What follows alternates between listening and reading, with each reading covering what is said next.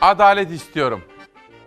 Bugün hemen yanınızda çocuğunuz var ya biraz sonra okula gidecekler veya uzaklarda da olsa özlemini çektiğiniz çocuklarınız onların geleceği için. Bugün bir babayı ağırlayacağım burada sizler adına adalet istiyorum diyen bir baba gelecek biraz sonra. Günaydın Türkiye'm. 16 Ocak 2020 günlerden Perşembe İsmail Küçükkaya ile Hakikat Yolculuğuna başlıyoruz. Önce hava durumu. Yer yer çok bulutlu, yer yer parçalı bulutlu gökyüzü. Kış güneşi pek çok bölgede gökyüzünde. Sıcaklıklar normal değerlerde. Gece saatleriyle sabahın erken saatlerinde yoğun olmak üzere sis ve pus var. Öte yandan buzlanma riski de sürüyor. Geçtiğimiz haftaya kıyasla oldukça yağışsız seyretti bu hafta. Bugün yurdun hemen hemen tüm kesimlerinde gökyüzü parçalı bulutlu ve güneş görülecek. Akdeniz bölgesiyle Karadeniz'in doğusunda hava zaman zaman kapatacak. Benzer şekilde Marmara üzerinde de yüksek seviyede bulutlar dolaşacak. Akdeniz'le Karadeniz bölgesinin doğu kıyılarında hafif ve kısa süreli yağmur ihtimali de var. Perşembeden cumaya geçerken gökyüzündeki bulutlar kalınlaşıp alçalacak. Yağmur ihtimali artacak. Cuma günü Marmara bölgesinde hafif yağmur bekleniyor. Yurdun tüm güney hattında ve iç kesimlerde ise sağanak geçişleri var. Akdeniz bölgesi, Güneydoğu Anadolu, İç Anadolu'nun güney kesimleri haftanın son iş gününde genellikle yağmurlu, yüksek kesimlerde ise yer yer kar yağışlı olacak. Öte yandan hafta genelinde görülen durgun hava nedeniyle havadaki kirletici değerleri de yükselişe geçti. Bugün Marmara'da rüzgar nispeten kuvvetli olacağı için sirkülasyon kirli havayı bir parça dağıtacak. Ancak kalan kesimlerde yüksek basıncın etkisiyle üzerimize çöken ve rüzgarın zayıf olması sebebiyle kirlendikçe kirlenen havanın etkisi bugün de sürecek. Dikkat edilmeli. İşte bugün ekonomiden siyasete, spordan magazine kadar hayatın içindeki bütün haberleri sizlerle paylaşacağım. Hava durumunu çok detaylı olarak konuşacağım. Dün Cumhurbaşkanı Erdoğan ABD Başkanı Trump'la konuştu. Ona bakacağız. Ama Trump'ın başı aynı zamanda içeride kendi memleketinde dertte ona bakacağız. Rusya'da hükümet değişiyor. Putin yeni bir hamle yapıyor. Medvedev gidiyor. Buna bakacağız. Bunun dışında üretici haberleri yaptık sizler için zor durumdayız. Piyasada çarklar dönmüyor diyen esnafa ilişkin haberler de derleyip toparladık. Hayattan da haberler toparladık ve adalet istiyorum. Ceren Damar'ın babası buraya gelecek ve sizlere diyecek ki ben kızımı kaybettim. Adalet istiyorum diyecek. Gazete manşetleriyle haber yolculuğumuza başlıyoruz. Bu sabah yönetmen koltuğunda Hilal kardeşim var bana eşlik ediyor. Kendisine de bütün ekip arkadaşlarıma da peşin peşin teşekkür ediyorum. Hürriyet gazetesi 4 saniyelik sır sekreterde manşetiyle çıkmış. 3 gündür gündeme getiriyoruz. Bugün de gündeme getireceğiz. Bu kızımız bulunsun istiyoruz. Tunceli'den bu kızımızın anne ve babasından bize selam geldi, mesaj geldi, istek geldi. Onları biraz sonra sizlerle paylaşacağım. Tunceli'de 11 gün önce kaybolan Gülistan Doku'nun en son eski erkek arkadaşı Zaynal'la görüştüğü ortaya çıktı. Görüşmeden sonra Zaynal'ın aradığı Gülistan'ın telefonu açılmadı. Telesekreterin devreye girdiği o 4 saniyede bırakılan mesajın olayın sırrını çözmesi umuluyor deniliyor efendim. Tunceli Emek Gazetesi bugün bu olayı da manşete taşımış. Çok yakından ve dikkatle takip ediyoruz. Ama 16 Ocağın manşetini beraber atıyoruz. Erdoğan'la Trump arasındaki görüşme ve bunun yansımaları. Cumhurbaşkanı Erdoğan, Amerika Başkanı Trump'la görüştü. İki lider Libya'da yaşanan gelişmeleri, İran'daki protesto gösterilerini, Ukrayna uçağının düşmesi sonrası başlatılan soruşturmayı konuştu. Dün Ankara-Washington hattında telefon diplomasisi kuruldu. Hattın bir ucunda Cumhurbaşkanı Recep Tayyip Erdoğan, diğer ucunda ise Amerika Birleşik Devletleri Başkanı Donald Trump yer aldı. Erdoğan ve Trump'ın telefon görüşmesinin gündeminde ikili ilişkilerin yanı sıra öncelikli olarak Libya'da yaşanan gelişmeler ve ateşkes çabaları vardı. Liderler Libya konusunda görüş alışverişinde bulundu. İki liderin görüşmesinin bir diğer önemli başlığı İran oldu. Ukrayna uçağının düşmesinin ardından başlatılan soruşturma ve anma gösterilerinin hükümet karşıtı protestolara dönüşmesini ele aldılar. İşte her gün günün manşetlerini beraber okuyoruz ve yeni güne hazırlıklı olmamız gerekiyor. Sizlere en sıcak manşetleri aktarmak istiyorum. Ve şöyle bir bakalım uyanan Çalar Saat ailesinden kimler uyanmışlar bir bu tarafa. Ve Selen Ekici Konya'dan çocuklarımız ve hepimiz kitap okuyalım diye her zaman çalışmalar sergileyen Konya'dan Selen öğretmenimiz de uyanmış. Ona da günaydın diyorum. Bir arkadaşımız ama adını yazmamış. Uzun yıllardır sizi izliyoruz diyor. Ona da teşekkür ederim. Nide'den Mehmet Erdemli de uyanmış. Peki gazete manşetlerinde bakalım Hürriyet'te başka neler var? Demek ki bu sabah Erdoğan'la Trump arasındaki görüşmeye bakacağız. Rusya'da olup bitenler, hükümet değişiyor ona bakacağız. Kanal İstanbul ve o belediyeler toplantısında meydana gelen tartışmaları da Ekrem İmamoğlu Cumhurbaşkanı Erdoğan'a bir mektup verdi. Bunlara da bakacağız. Demek ki bugün dop dolu bir gün bizi bekliyor. Ama günün ruhunu Ceren Damar'ın babası belirleyecek. Adalet istiyorum diyecek. Bir manşet okuyacağım. Yeniden yakalanacak hürriyetten. FETÖ'den müebbet alıp istinaf mahkemesinin tahliye ettiği eski kor general Metin İyidil hakkında yakalama kararı çıkarıldı. Anayasal düzeni kaldırmaya teşebbüsten ceza alan Metin İyidil hakkında Ankara Bölge Adliye Mahkemesi 20. Ceza Dairesi salı günü beraat ve tahliye kararı vermişti. Başsavcılığın itirazı üzerine dosyayı üst mahkeme inceledi. Ankara BAM 21. Ceza Dairesi kaçma ihtimali bulunduğunu belirttiği İyidil hakkında yakalama kararı çıkarttı. Bu da adliye koridorlarından geceye yansıyan en sıcak gelişmelerden birisiydi her zaman söylediğimi bir kere daha dile getirmek isterim. Orta Doğu'da, Filistin'de huzur yoksa hiçbir yerde yok maalesef. Safina var. Gazze üzerinde İsrail jetleri uçtu uçaklar Hamas'ın askeri kanadı El Kassam Tugaylarına ait noktaları vurdu. Saldırılarda ölen olmadı. Filistin'le İsrail arasındaki gerilim düşmüyor. Tel Aviv dün Gazze tarafından İsrail'e 4 roket fırlatıldığını duyurdu. Fırlatılan roketlerin ikisinin havada imha edildiğini açıkladı. İsrail Gazze'den fırlatıldığını iddia ettiği roketleri gerekçe göstererek gece saatlerinde kente hava saldırısı düzenledi. İsrail jetlerinin hedefinde Gazze'nin kuzeyindeki Hamas'ın askeri kanadı İzzettin El Kassam Tugaylarına ait noktalar vardı. Filistinli gruplar İsrail savaş uçaklarının saldırısında ölen ya da yaralanan olmadığını açıkladı. Öte yandan Gazze'den atıldığı iddia edilen roketlerin de sorumluluğunu şu ana kadar üstlenen olmadı. Bugün ayrıca ekonomi haberleri, esnafa dair manşetler sizlere söylemiştim. Çevre haberleri de aktaracağım. Eğitim ve sağlıktan manşetler. Ankara'dan Ataman Özdemir diyor ki, İsmail Bey günaydın. Dışarısı zifir karanlık. Çocukları bu karanlıkta okula göndermeye çalışıyoruz diyor. Hilal bir dışarıyı görelim. İnat ettiler bizimle değil mi? İnat ettiler. Bakın normalde eski o eski düzen olsa saatler şimdi 6.23 olacaktı, geri alınacaktı ve saatler 7.23'e geldiği zaman ortalık aydınlanacaktı. Ama işte bizimle inat ettiler ve saatleri bir türlü eski düzene sokmadılar ve kış saati, yaz saati uygulamasında şu anda bakın saatler 7.23 şu anda çocuklarımız dışarı çıkıyorlar bu zifiri karanlıkta. Bir idare halkıyla inat eder mi? Bu zifiri karanlıkta çocukları okula gönderilir mi?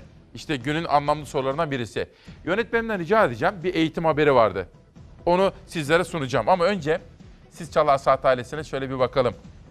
Perihan Vural, hukukun üstünlüğü olan bir Türkiye istiyorum. Adalet istiyorum. Ebru Gümüşkan, istisnasız her sabah bizimle birliktedir. Erkenden uyanır ve 7.15'ten 10'a kadar reklamlarda bile bizden ayrılmaz. Ebru Hanım diyor ki adalet istiyorum. Adalet bir gün herkese lazım. Bugün Yılmaz Özdil diyor ki adalet konulu bir yazı yazmış. Yazısının en son cümlesinde bir gün ihtiyaç duyarsa şu anda Cumhurbaşkanı olan Erdoğan'a da dürüst ve namuslu gazeteciler adalet gerekecek diyor. Bugün Yılmaz Özdil'in yazısının ana başlığı da bu. Hürriyet'ten bir haber daha sonra sözcüye geçelim. Anadolu Ajansı bürosuna darbeci baskını. Mısır'da büyük skandal. Mısır polisi Anadolu Ajansı'nın Kahire ofisini basıp biri Türk vatandaşı 4 çalışanı gözaltına aldı. Polis baskın sırasında güvenlik kameralarını kapattı. İletişim Başkanı Fahrettin Altun, darbeci yönetimin düşmanca girişimi nasıl bir acziyet içinde olduklarını gösteriyor dedi. Biz de bu vesileyle Anadolu Ajansı'na ve Mısır'daki gözaltına alınan meslektaşlarımıza geçmişler olsun diyoruz. Eğitim. Velinin artık siz çocuk görüyorsunuz okulda biz astronot görüyoruz laflarına kanmaması lazım. E, Asgari ücretli öğretmen çalıştırılmasına müsaade ediliyorsa zaten o okulun bir eğitim vermediği bir bakım evi olduğunu bilmek mecburiyetindeyiz. Öğrencilere eğitimde fırsat eşitliği yaratmak, öğretmenlerin emeğinin karşılığını almasında yardımcı olmak için Türk Eğitim Derneği harekete geçti. Talep eden özel okullara ve bakanlığın belirlediği devlet okullarına danışmanlık ve akreditasyon vermeye hazırlanıyor. Biz bir durum tespiti yapacağız. Bu durum tespitinde okulun profilini çıkaracağız. Bu okulun profilinde okulu yönetenlerin özel okul ba- bağlamında söylüyorum gene zihniyeti asgari ücretli öğretmen çalıştırmak. Öğrenciden kazanılacak parayı kıyafet, yemek ve kitap üzerine e, şeyse biz zaten o danışmanlık bile veremeyiz. Bizim yapabileceğimiz bir şey yoktur onun için. TED'den danışmanlık ve akreditasyon talep eden okullarda aranan ilk şartı zihniyet olarak açıkladı. Türk Eğitim Derneği Genel Başkanı Selçuk Pehlivanoğlu, öğretmene ve öğrenciye ticari bakmayan okullara danışmanlık vereceklerini söyledi. Buradaki hedefimiz Türkiye'nin her noktasındaki bizden hizmet almak isteyen ama öğretmeni köle olarak görmeyip eğitime inanmış olduğunu gördüğümüz özel okullara ilk planda bilgi birikimimizin aktarılması, bunların bir danışmanlık ve akreditasyon sürecinden geçmesini istiyoruz. Milli Eğitim Bakanlığı ile yapılacak görüşmenin ardından projenin kabul edilmesi durumunda bakanlığın belirlediği devlet okullarında da danışmanlık ve akreditasyon hizmeti sunmaya hazırlanıyor TED. Ülkemizdeki en büyük sosyal adaletsizliğin eğitimde olduğunu görüyoruz. Bu ülkeyi dönüştüreceksek, bu ülkeyi başarılı bir hale getireceksek en ücra köşesindeki okula, öğrenciye, öğretmene dokunma mecburiyetimiz var. Eğitim en önemli hatta bir numaralı konularımızdan bir tanesi bu arada Tunceli Belediye Başkanı'nın maaşlara haciz konmuştu. En azından kısmen bir kaldırıldı maaşları ödediler. Belediye başkanları kıskaç altında efendim ona da bakacağız bugün çok yakından ve iktidar partisi elindeki geniş imkanları kullanarak muhalefetin kazandığı belediyeleri yanına çekmeye çalışıyor. Demokrasi ve milli irade nerede diye de soracağız. Bu arada MHP lideri Devlet Bahçeli'ye içtenlikle teşekkür edeceğiz. Neden olduğunu biraz sonra sizlere anlatmak istiyorum. Ama gerçekten Bahçeli'yi bir konudaki kararlı tutumu nedeniyle içtenlikle kutlamamız ve ona teşekkür etmemiz gerekiyor. Bir terbiyesize haddini bildirdi efendim. Biraz sonra sizlere anlatacağım. Hürriyetten Sözcü'ye geçiyorum. Sözcü gazetesinin manşetinde adalet ve gazetecilik için sevindirici karar var. Sözcünün sahibi Burak Akbay hakkında yakalama kararı kaldırıldı. Bu da işte günün en sevindirici gelişmesiydi. Haksız, delilsiz suçlamalarla çıkartılan yakalama kararı yüzünden 2,5 yıldır ülkesine dönemeyen Akbay hakkındaki kırmızı bülten talebi de geri çekildi. Bugün Sözcü gazetesi yazarı Aytunç Erkin ki kendisi FETÖ ile ilgili arşivlerde çok önemli taramalar yapıyor ve hafızayı tazeliyor. Burak Akbay'ın iddianamelerde neler söylediğini ve aslında neden bu kararın gecikmiş olduğunu da altını çiziyor bugün Sözcü gazetesi yazarı Aytunç Erkin. Ama basın özgürlüğü adına bu karardan sevindiğimi de bir gazeteci olarak ifade etmek isterim. Dün sizlere demiştim ki bizim dilimizi, bu toprakları, bizim cennet yurdumuzun kültürünü, dilini bütün dünyaya ölümsüz bir şekilde tanıtan bir ozanımız var. Adı Nazım Hikmet. Dün demiştim ki 15 Ocak'ta Nazım Hikmet işte bugün 118 yaşında. Kardeşlerim, bakmayın yüzüme. Ağlamak geliyor içimden. Bembeyaz karanlıkta parlayan raylar uzaklaşıp kavuşulmamayı hatırlatıyor. çok önemli e, ulusalcı, büyük vatan şairi Nazım Hikmet'i gelecek nesillere, şimdiki nesle tanıtmaktan çok sevinçliyiz. 118. doğum gününde sevenlerinin ve onu daha çok tanımak isteyenlerin ziyaretine açıldı Nazım Hikmet karikatürleri sergisi. Salona girenleri sadece karikatürler değil, şiirleri, sözleri, mektupları karşıladı. İstanbul Büyükşehir Belediyesi, Nazım Hikmet Vakıfı ve Karikatürcüler Derneği ile beraber yapıyoruz. E, 85 tane Nazım Hikmet portre karikatürleri sergilenmektedir. Ulusal ve uluslararası 85 karikatür sanatçısının çizdiği Nazım Hikmet karikatürleri İstanbul Büyükşehir Belediyesi, Karikatürcüler Derneği ve Nazım Hikmet Kültür ve Sanat Vakfı'nın organizasyonuyla bir albümde toplandı. O albümdeki eserler İstanbul, Mersin, Antalya ve Muğla'da vatan şairinin 118. doğum gününde sergilenmeye başladı. Birçok karikatüristin bir araya gelerek bizim devimiz için bir albüm çıkartmış olması çok mutlu verici bir şey. Ayrıca bu albümün burada sergisini yapmak daha da güzel bir şey. Aşkı, cezaevi günlerini, sürgün yıllarını ve memleket hasretini anlattığı şiirleri ve bazı eşyaları da karikatürlerle beraber sergileniyor. Sergi bir ay boyunca ziyaretçilere açık olacak. Tam da o vatan haini ilan edildiği dönemde şöyle diyordu. Ben kendimin her namuslu insan gibi yurtsever ve halkını sever olduğunu bildikten, bu hususta vicdanım rahatken birkaç müferit yalan kusmuşlar umurumda değil. Birçoğunun adını bile unutacak Türk milleti. Halbuki bu millet var oldukça, yeryüzünde Türkçem konuşuldukça ben bu dilin ve bu halkın en namuslu şiirlerini yazmış insan olarak yaşayacağım. Sen üzülme karıcığım. Nazım Hikmet sonsuzca yaşayacak efendim. Dün ne kadar etkilendiniz değil mi? Onun Kuvvayi Milliye'yi ve büyük önderimize ilişkin o dizeleri ve hazırladığımız o klip. Dün İzmir Büyükşehir Belediyesi'nin almış olduğu cemevlerinin ibadet ibadethane olarak kabul edilmesine dair karar önemli demiştik ve bütün belediyeler takip etsin demiştik. Muğla'dan, Muğla Büyükşehir Belediyesi'nden bu konuda sevindirici bir haber ve açıklama geldi. Onu da sizlerle biraz sonra paylaşacağım. Ama Uyanan Çalar Saat ailesine bir bakalım.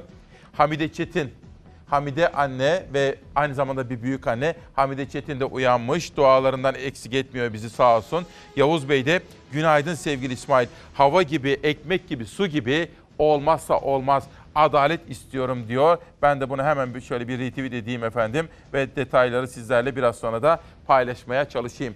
Sözcü gazetesinden bir haber daha sonra sabaha geçeceğim. Biri bol keseden harcadı, biri tasarruf yaptı. Bu da AKP'li başkan, bu da AKP'li başkan Uğur Ençin manşeti. Kocaeli eski belediye başkanı Kara Osmanoğlu 15 yıl görev yaptı. Geride 6 milyar lira borç bıraktı. Bu arada bir soru soracağım bir dakika. Bir kere söylemiştim. Türkiye'nin en borçlu belediyesi hangisi? Geçen hafta konuşmuştum.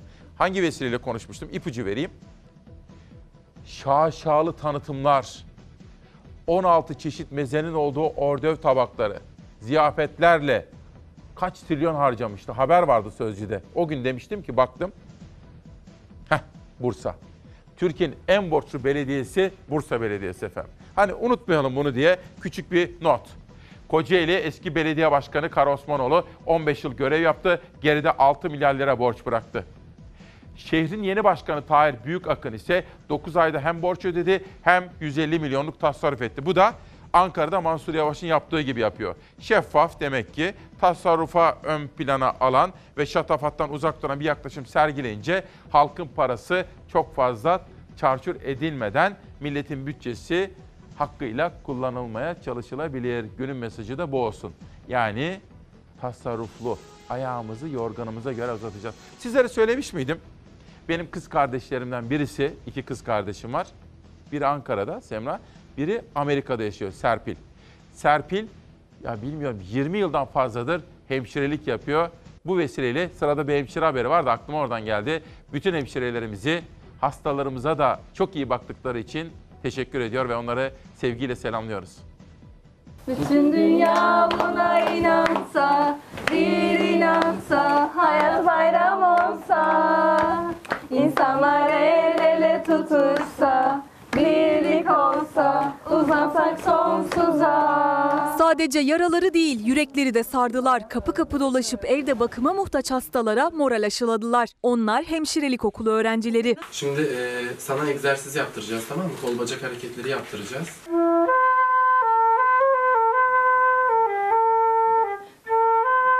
Ki hastalarımızın mutluluğu her zaman bizim mutluluğumuz oluyor. Onlar güldüklerinde biz gülüyoruz, onlar ağladıklarını biz ağlıyoruz. Kırklareli Aile Çalışma ve Sosyal Hizmetler Müdürlüğü ile Sağlık Müdürlüğü 4 yıl önce eve bağımlı hastalar için sağlık hizmeti başlattı. Projeye Kırklareli Üniversitesi de destek verdi.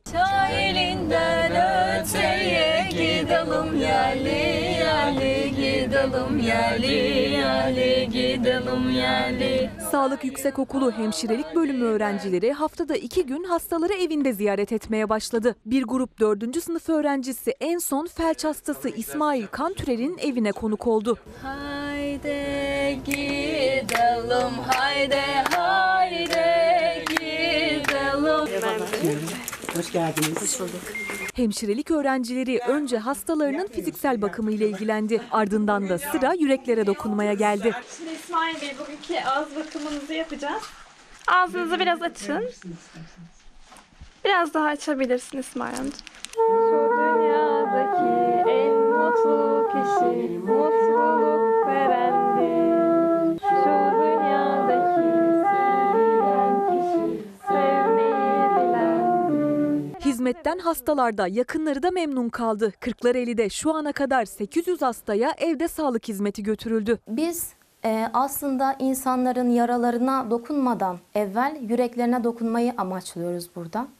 Ve onların yaralarını sara- sararken aynı zamanda kalplerini de sarmayı amaçlıyoruz. Onlar geldikçe çok mutlu oluyor. Yani ona ben söylüyorum gelecekler diye. Yani biraz hazırlıklı oluyor yani onlar geleceği zaman. Yani faydaları çok oldu. İnsanlar el ele tutuşsa, birlik olsa, uzansak sonsuza. Şu anda Türkiye'mizin dört bir noktasındaki hastaneleri sevgi ve saygıyla selamlıyorum. Hastalarımıza geçmişler olsun derken onlarla ilgilenen sağlık çalışanlarını da şükranla anıyorum efendim buradan. Eksik olmayınız. Hastanelerde gece çok uzundur. Sabah gelmek bilmez. Biliriz. O nedenle fedakar refakatçilerini de sağlık çalışanlarını da unutmuyoruz. Alp Bey diyor ki İsmail, iktidar diyor ki hep bizi aldattılar. Halkı da kim aldatıyor? Fakat halk aldanmaz. Zamanı gelince gereğini yapar diyor Alp Kahraman Türk efendim. Sözcüden bir haber daha sonra Sabah gazetesine geçelim hep beraber. Hiçbir hain bir daha bu şanlı üniformayı giyemeyecek. Bu da Milli Savunma Bakanı Hulusi Akar'ın sözleri.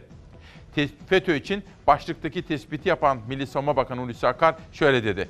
FETÖ usulü sabotajlarla neler olduğunu görüyoruz. Her türlü hukuki ve idari yetkiyi kullanacağız. Mücadelemiz şiddetle sürecek diyor ve sözcü Ankara temsilcisi Saygı Öztürk'ün sorularını yanıtlamış Hulusi Akar. Bu arada bir kere daha söyleyelim. Gazeteciler iktidarın hoşuna gitmeyen sözler söyleseler bile özgürce görev yapmalılar. Çünkü bir gazetecinin özgürce, korkusuzca yayın yapabilmesi aslında sizin hayat damarınızdır. Şu anda okula gitmek üzere olan çocuklarınız için her şey. Ve Sözcü gazetesinin sahibi Burak Akbay'a yönelik o kararın alınması yani yakalama kararının kaldırılması günün en sevindirici gelişmesi bir gazeteci olarak ne kadar sevindiğimi söylersem sizler hak vereceksiniz efendim. Sözcüden Sabah gazetesine geçelim. Bakalım sabahın gündeminde neler var. Erdoğan manşetlerde. Şovmenlerin maskesi düştü. Erdoğan'ın sözleri. Şehrine ve ilçesine hizmet değil de şov peşinde koşanların ne hallere düştüğü görülüyor. Yerel seçimlerin üzerinden daha bir yıl bile geçmeden şovmenlerin maskesi düşmeye, gerçek yüzleri ifşa almaya başladı. Bu millet hizmet üretenlerle laf üretenlerin tefrikini her zaman yapmıştır. Yani ayrımını yapmıştır diyor. Ama dün o toplantıda yadırgadan bir gelişme oldu. Onu da söylemeden geçemeyeceğim. Şimdi biz daha seçimi yeni yaptık değil mi? Belediye başkanlığı seçimini. Halkımız bir irade ortaya koydu. Diyelim İyi Partili, MHP'li, diyelim CHP'li, diyelim HDP'li, hangi partiden olursa olsun Demokrat Partili. Halk onları seçtiyse onlar devam etmeliler. Ama devir zor ya, ekonomide belediyeler batık ya, iktidar türlü imkanları kullanarak pazarlık kapısı açmış belli ki. Bülent Turan günlerdir söylüyordu. Muhalefetten 100 belediye başkanı bize geçecek diyordu. Cumhurbaşkanı da bunu sevinçle karşıladı. Bence burada bir hata var. Şöyle iyice düşünüp taşınsalar milli irade nerede, demokrasi nerede? şeklinde bir tartışma yapsalar bence isabet olur. Ben buradaki gelişmeleri ve iktidarın bu gelişmelere kapı açmasını yadırgadığımı ifade etmek isterim. Hürriyet gazetesi de bugün Tunceli'deki kızımızla ilgili haber var. Onu biraz sonra Tunceli Emek Gazetesi üzerinden sizlerle paylaşacağım. Ama günün esas manşeti şu bugün. Yeniden yakalanacak. FETÖ'den müebbet alıp istinaf mahkemesinin tahliye ettiği eski kor general Metin İyidil hakkında yeniden yakalama kararı çıkarıldı. Günün en çarpıcı gelişmelerinden birisi. Eski Kor General Metin İdil 15 Temmuz davalarında yargılandı, ağırlaştırılmış müebbet hapis cezası aldı. İstinaf Mahkemesi cezayı bozdu, beraat kararı verdi. İdil tahliye edildi. Bölge Mahkemesi İstinaf Mahkemesi'nin kararına karşı çıkarak İdil hakkında yakalama kararı çıkarttı. Ve İdil bu sabah saatlerinde gözaltına alındı.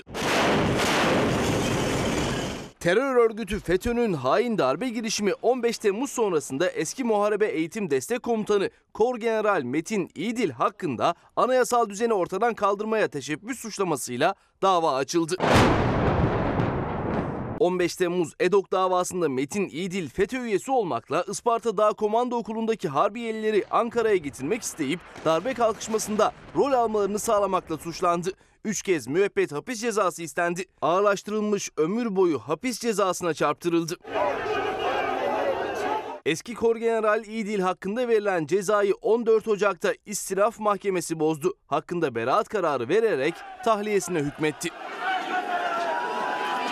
Dün önemli bir gelişme yaşandı. Ankara Bölge Adliye Mahkemesi 21. Ceza Dairesi Ankara Cumhuriyet Başsavcılığına yakalama müzekkeresi yazarak İdil'in yakalanmasını istedi. Ve bu sabaha karşı eski Kor General İdil Ankara'daki evinde gözaltına alındı. Yani anlamak mümkün değil olup bitenleri yorumlamamız gerekiyor. Bu arada Selin Hanım Gaziantep'ten yazmış. Ona teşekkür ediyorum. Sağ olsun. Demek ki bugün 16 Ocak'ta manşetler Erdoğan'la Trump arasındaki görüşme. Onun perde arkasına bakıyoruz. Putin gücünü artırıyor. Rusya'da hükümet istifa etti. Buna bakıyoruz. Ekonomi, esnaf, üretici. Buna bakıyoruz. Ceren Damar'ın babası buraya geliyor. Hani kopya çekerken bir öğrenciyi yakaladı ya, sonra vahşice öldürüldü ya. Ceren kızımızın babası buraya geliyor. Manşeti oradan seçtik. Adalet istiyorum diyor. Bunun dışında Anadolu Ajansı'nın Mısır'daki 4 gazetecisi gözaltına alındı. Bunun dışında İsrail'in devlet terörü var. Bütün bu gelişmeleri sizlerle paylaşma imkanı bulacağım efendim. Günün özetini böylece yapmaya gayret edeyim. Sabahtan bir haber daha sonra Yeni Çağ gazetesine geçelim. Türkiye bize sahip çıktı. 1 milyon Suriyelinin barındığı sınır hattında insanlık dra- dramı yaşanıyor. Tek el uzatan Türkiye. Gıda, temizlik ve ısınma sıkıntısının yaşandığı göç bölgelerinde oluşan çamur hayatı kabusa çeviriyor. Çoğu çadırda yatak, Çoğu çadırda yatak ya da yemek için bir ocak bile bulunmuyor. İdlibliler 9 yıldır her gün ölüyoruz. Kardeş Türkiye halkından başka sahip çıkanımız yok. Bu savaşı durdurun diyor efendim. Uğur Yıldırım İdlib'e gitmiş. İdlib'deki izlenimlerini okurlarıyla paylaşıyor. Sabah gazetesinden Yeni Çağ gazetesinin manşetine geçiyorum. Ekonomiye dair haberler var. Bütçe açığında rekor kırıldı. Çılgın proje, Astrım projesi, Zafer Anıtı çağ açıp çağ kapatacak denilerek şişirilen merkezi yönetimin bütçe açığı rekor kırıp 2019'da 123 milyar 693 milyon liraya ulaştı denilmekte efendim. Bugün tabii ki ekonomiye dair pek çok haberi sizlerle paylaşacağım ama dünyadaki gelişmelere de bakacağız. Bir darbe girişimi Sudan.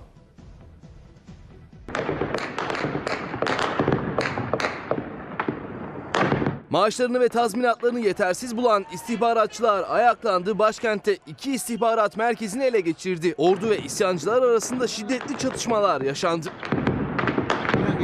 Sudan'da hükümet istihbarat teşkilatına bağlı operasyonlar biriminin kapatılmasına karar verdi. İstihbaratçılar karara tepki gösterdi. Alacakları tazminatları da az buldular, ayaklanma başlattılar. Ayaklanan istihbaratçılar ülkenin başkenti Hartum'da bulunan istihbarat merkezlerini işgal etti. Sudan ordusu ayaklanma sonrası operasyon başlattı. İstihbaratçıların işgal ettiği binaların etrafını tank ve ağır silahlarla kuşattı. Ordunun düzenlediği operasyonun ardından isyancı istihbaratçılarla askerler arasında çatışma çıktı. Çatışmalar o kadar şiddetliydi ki silah sesleri başkentin dört bir yanından duyuldu. Sudan ordusu şu ana kadar düzenlenen operasyonda 43 isyancı istihbarat görevlisinin gözaltına alındığını duyurdu. Saatler süren ayaklanma sonunda istihbarat görevlilerinin silahlarıyla birlikte teslim olduğu açıklandı. İşte en sıcak haberler ve gecenin sabahın manşetleri. Çünkü efendim işe gideceksiniz, işe veya okula gideceksiniz çocuklarımız. Onlar okula gitmeden evvel de sizlere haberler vermek istiyorum. Biraz evvel bir arkadaşım bana Gaziantep'ten mesaj atmıştı bakın. Bu kitabı da bana Abdülkadir Konukoğlu hediye etti. Bilmiyorum Gaziantep'e gittiniz mi? Bilmiyorum Zeugma Müzesi'ni gezdiniz mi? Eğer gitmediyseniz ve görmediyseniz çok şey kaybediyorsunuz efendim. İnanın abartılı değil, dünya çapında bir müze. Dolayısıyla Sayın Konukoğlu'na bu hediyesi için de teşekkür ediyorum efendim. Tarihimiz, müzemiz var bu kitabın içinde. Yeni Çağ'dan bir haber daha. Bu arada güvenliğimiz için çalışan askerlerimiz, polislerimiz, korucularımız, uzman çavuşlarımızı sevgi ve saygıyla selamlıyor ve Allah'a emanet olsunlar diyorum efendim.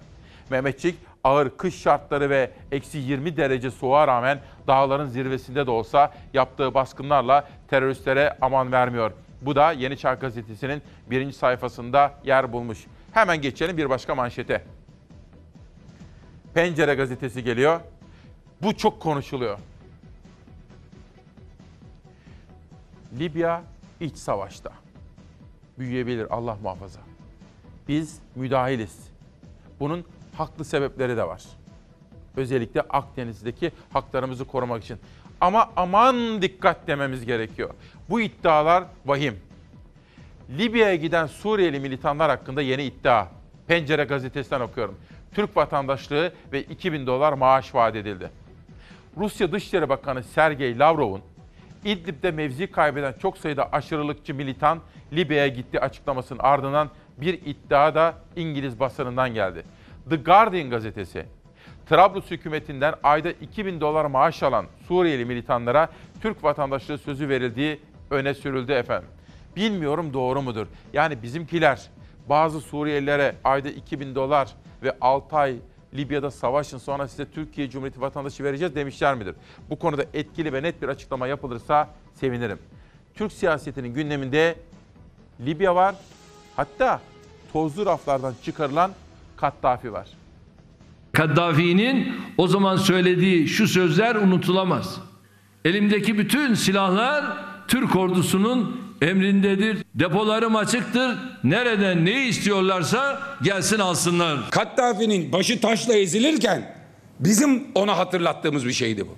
Cumhurbaşkanı Libya'ya asker gönderilmesine karşı çıkan muhalefete Kaddafi örneğini verdi. Kıbrıs harekatındaki tavrını överek CHP de arşiv açtı. Üç kez Kaddafi bu görevi bıraksın diyen, Kaddafi'yi artık direnme diye çağıran Recep Tayyip Erdoğan'a bakın ya. Anayasal demokrasiye geçişin sağlanması için Kaddafi'nin yönetimden çekilmesinin elzem olduğunu açıkça belirttik. Arap Baharı ile Libya'da iç savaşın tırmandığı 2011 yılında bu cümleleri kurmuştu Erdoğan. Kaddafi'nin iktidardan ayrılmasını istedi. Yapılması gereken Muammer Kaddafi'nin derhal iktidarı bırakması. Bizi de bütün toplumla birlikte aptal yerine koyan bir tutum içinde. Muhalefetin tepkisi Erdoğan'ın AK Parti grup toplantısında kurduğu cümleye. Çünkü Cumhurbaşkanı Libya'ya asker göndermeyi savunurken Türkiye-Libya ilişkisinin altını çizerken yıllar önce iktidardan çekilmeli dediği Kaddafi'yi övdü. Libya'nın Kıbrıs harekatında ülkemize verdiği desteği de mi unuttunuz? Bunun adı timsah gözyaşıdır. Kaddafi'nin başının ezilmesine gıkını çıkarmamış birisidir Recep Tayyip Erdoğan. Kaddafi'nin o zaman söylediği şu sözler unutulamaz. Elimdeki bütün silahlar Türk ordusunun emrindedir. Recep Tayyip Erdoğan Kaddafi'nin lincine sessiz kaldığı gibi İzmir'deki NATO üstünden kalkan uçakların Kaddafi rejimini bombalamasına izin vermiş birisidir. Muhalefetin tepkisine karşı Cumhurbaşkanı da AK Parti cephesi de sessiz. Şimdi Dilek Ünsal Manisa Demirci bir para ödüyoruz diyor. Maski Manisa'ya soruyoruz diyor. Ne olduğunu anlamış değilim. Ama editörüm de baksın Dilek Ünsal, Ünsal DLK Demirci Belediyesi ile ilgili bir şikayetinden bahsediyor. Bu arada bir kızımız da Ayşe de yazmış bana. Ayşe diyor ki hem kahvaltımı yapıyorum hem de kitap okuyorum İsmail abi diyor. Biraz sonra da okula gidecekmiş saat 8.30'da.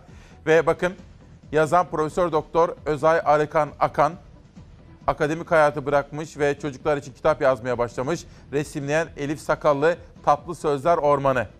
Bu sabah imzalı gelen kitaplardan birisi. Ayrıca Elif gibi Ayşe gibi kahvaltı yapacağız. Kahvaltı günün en güzel, en özel ve en önemli öğünüdür efendim.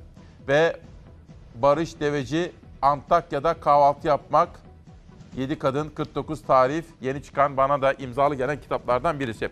Günün haber yolculuğunda bir manşet daha gelsin pencereden. Libya'da ateşkes sona erdi ama bir dakika. Havalar soğuk ya. Kimimizin evinde kömür yakıyoruz. Yatarken bir de lodos var. Aman gece yatarken sobaya dikkat. Sobadan sızan zehirli gaz can aldı. Üç kız kardeşten biri öldü, ikisinin durumu ağır. Baba e, yövmiye boyacı asıl meslek. Yövmiyeye giderek annesi de bir tekstil yerinde çalışıyor. Sabah gidip akşam geliyor. Baba da bugün saat 4'ten sonra çalışmaya gitmiş. İş yerinden çağırmışlar. Saat 4 gibi evden gidiyor. Denizli'nin Merkez Efendi ilçesinde grip oldukları için okula gitmeyen üç kız kardeş kömür sobasından sızan gazla dehşeti yaşadı. Anneleri bir tekstil atölyesinde çalışan, babaları boyacılık yapan çocuklar evde yalnızdı. Seda, Sude ve Sena. İlk olan karbondioksiti çok olan e, Seda'yı hemen ambulansla Selver Gazi'ye naklediyorlar. Karbondioksitini çok aldıkları için oksijen verilecek. Hayatı döndürülmeye çalışacak. Üç kız kardeş hemen Server Gazi Devlet Hastanesi'ne kaldırıldı. Seda tüm müdahalelere rağmen kurtarılamadı. Sude ve Sena'nın tedavileri sürüyor. Kesikbaşı ailesi diğer iki kızlarından gelecek iyi haberi bekliyor. Yani bir tanesini kaybettik diyen durum ağır dediler. Bir haber geliyor gelmiyor. Yani perişanız yani şu anda. Öte yandan evde bulunan iki odadan birinde kurulu soba. Ancak diğer odanın da ısınması için evin içinde boruların dolaştırılıp uzatılmış olduğu görülüyor. Sobadan zehirli gaz sızmasına bu durumun sebep olabileceğinden şüpheleniliyor. Sobaya dikkat. İbrahim Tekeli YSK'ya ilişkin evet takibimde teşekkür ediyorum. Tekin Uslu da yine her sabah bizimle birliktedir ona kadar. Ülkem için güzel geçsin diyor. Efendim bu arada kötü bir haber. Yani oradaki öğretmenlerimiz için, velilerimiz için, öğrencilerimiz için Serpil Yılmaz İTÜ Doğa Koleji'ni almaktan vazgeçti diye bir yazı yazmış bu sabah. İTÜ bünyesinde çözülmeye çalışılan Doğa Koleji sorunu Arap saçına döndü. Yapılan kapsamlı çalışmalar sonucunda bu sorunu çözmek için 400 milyon dolar gerektiği ve bu kredinin geri dönmesinin olanaksızlığı dolayısıyla İTÜ'nün teklifi reddettiği ileri sürülüyor. Doğa Koleji'ni satın almak üzere kurulan İTÜ Vakfı'nın bu sorunu çözmek için yeterli olmadığı görüşü ağır bastı diyor bakın.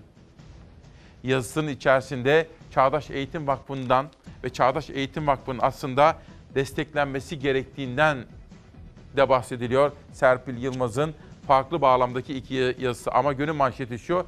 İTÜ iddiaya göre İTÜ Vakfı maaş sorunu yaşayan, ekonomik sıkıntı ve darboğaz yaşayan Doğa Koleji'ni almaktan vaz mı geçti? Günün sorusu bu. Takip listemizi aldık. Pencereden Milli Gazete'ye geçiyorum. Teveccüh görüyorsanız belediyeleri niye kaybettiniz? Çok güzel bir soru.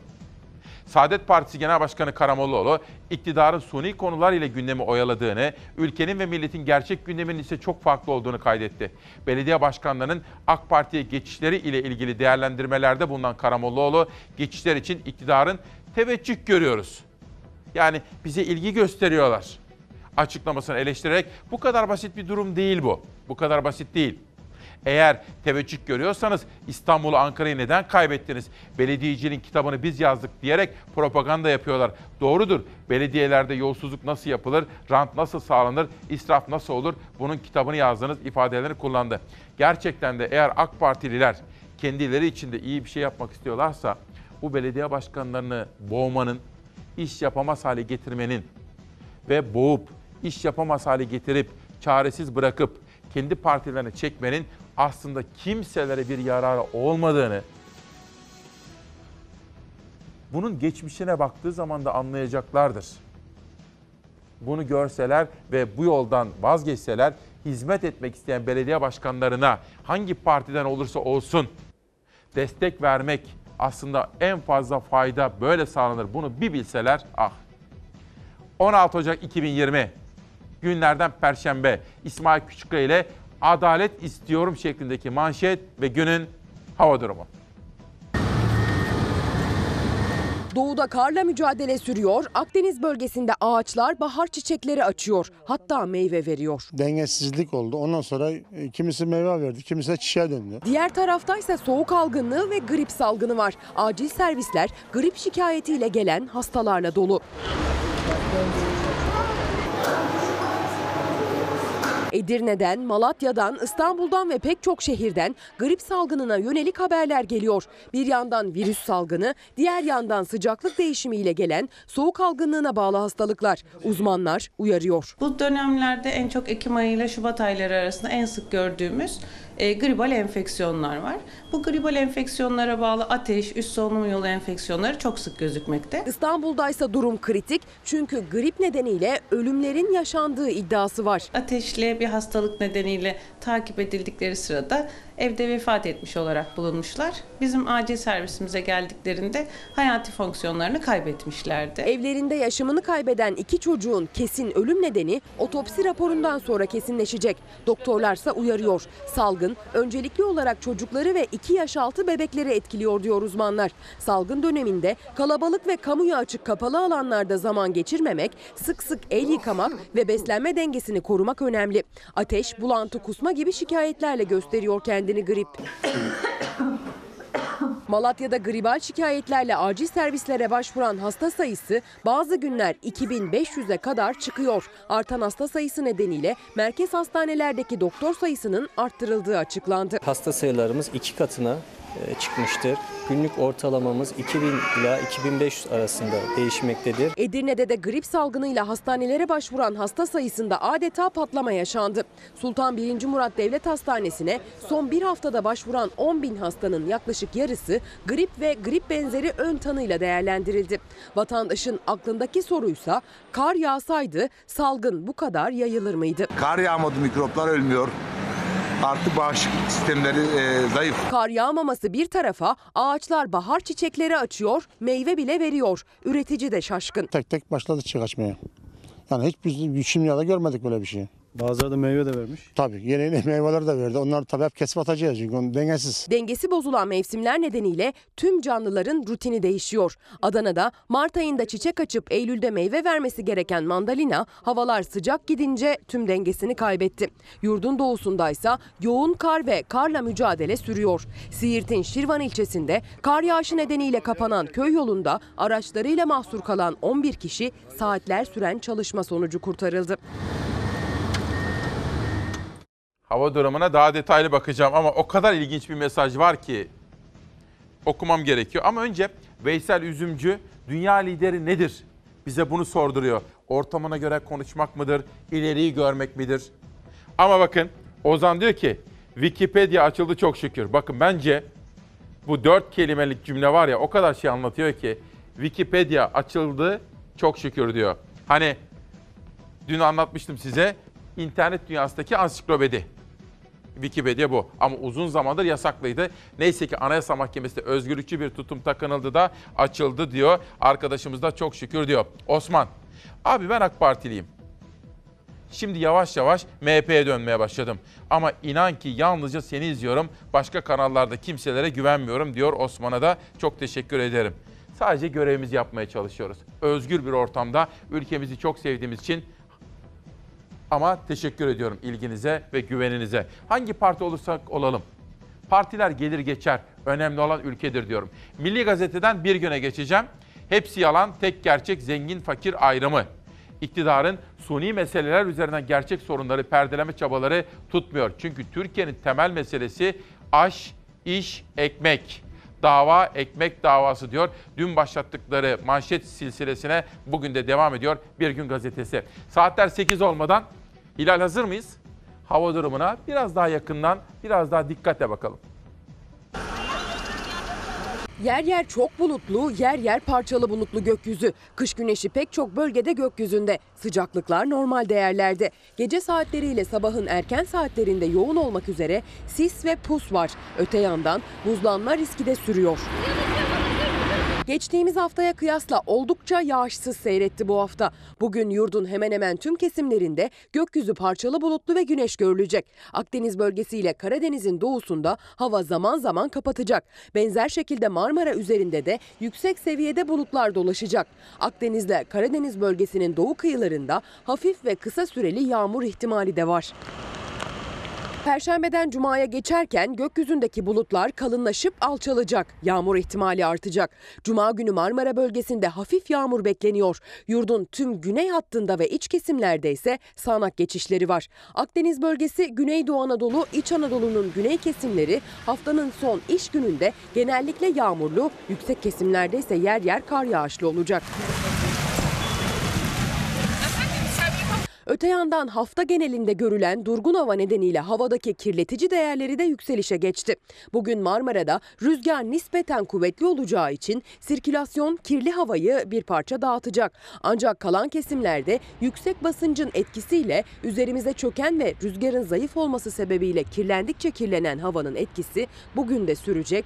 Dikkat edilmeli. Şimdi bir arkadaşım da soruyor da Anıl benim sosyal çevrem ağırlıklı olarak doktorlar. Ta Ankara'da tabii uzun yıllardır Ali Kemaloğlu, o da doktor olduğu için Ali Kemaloğlu, Nihal Kemaloğlu. Benim hani yakın ailem onlar.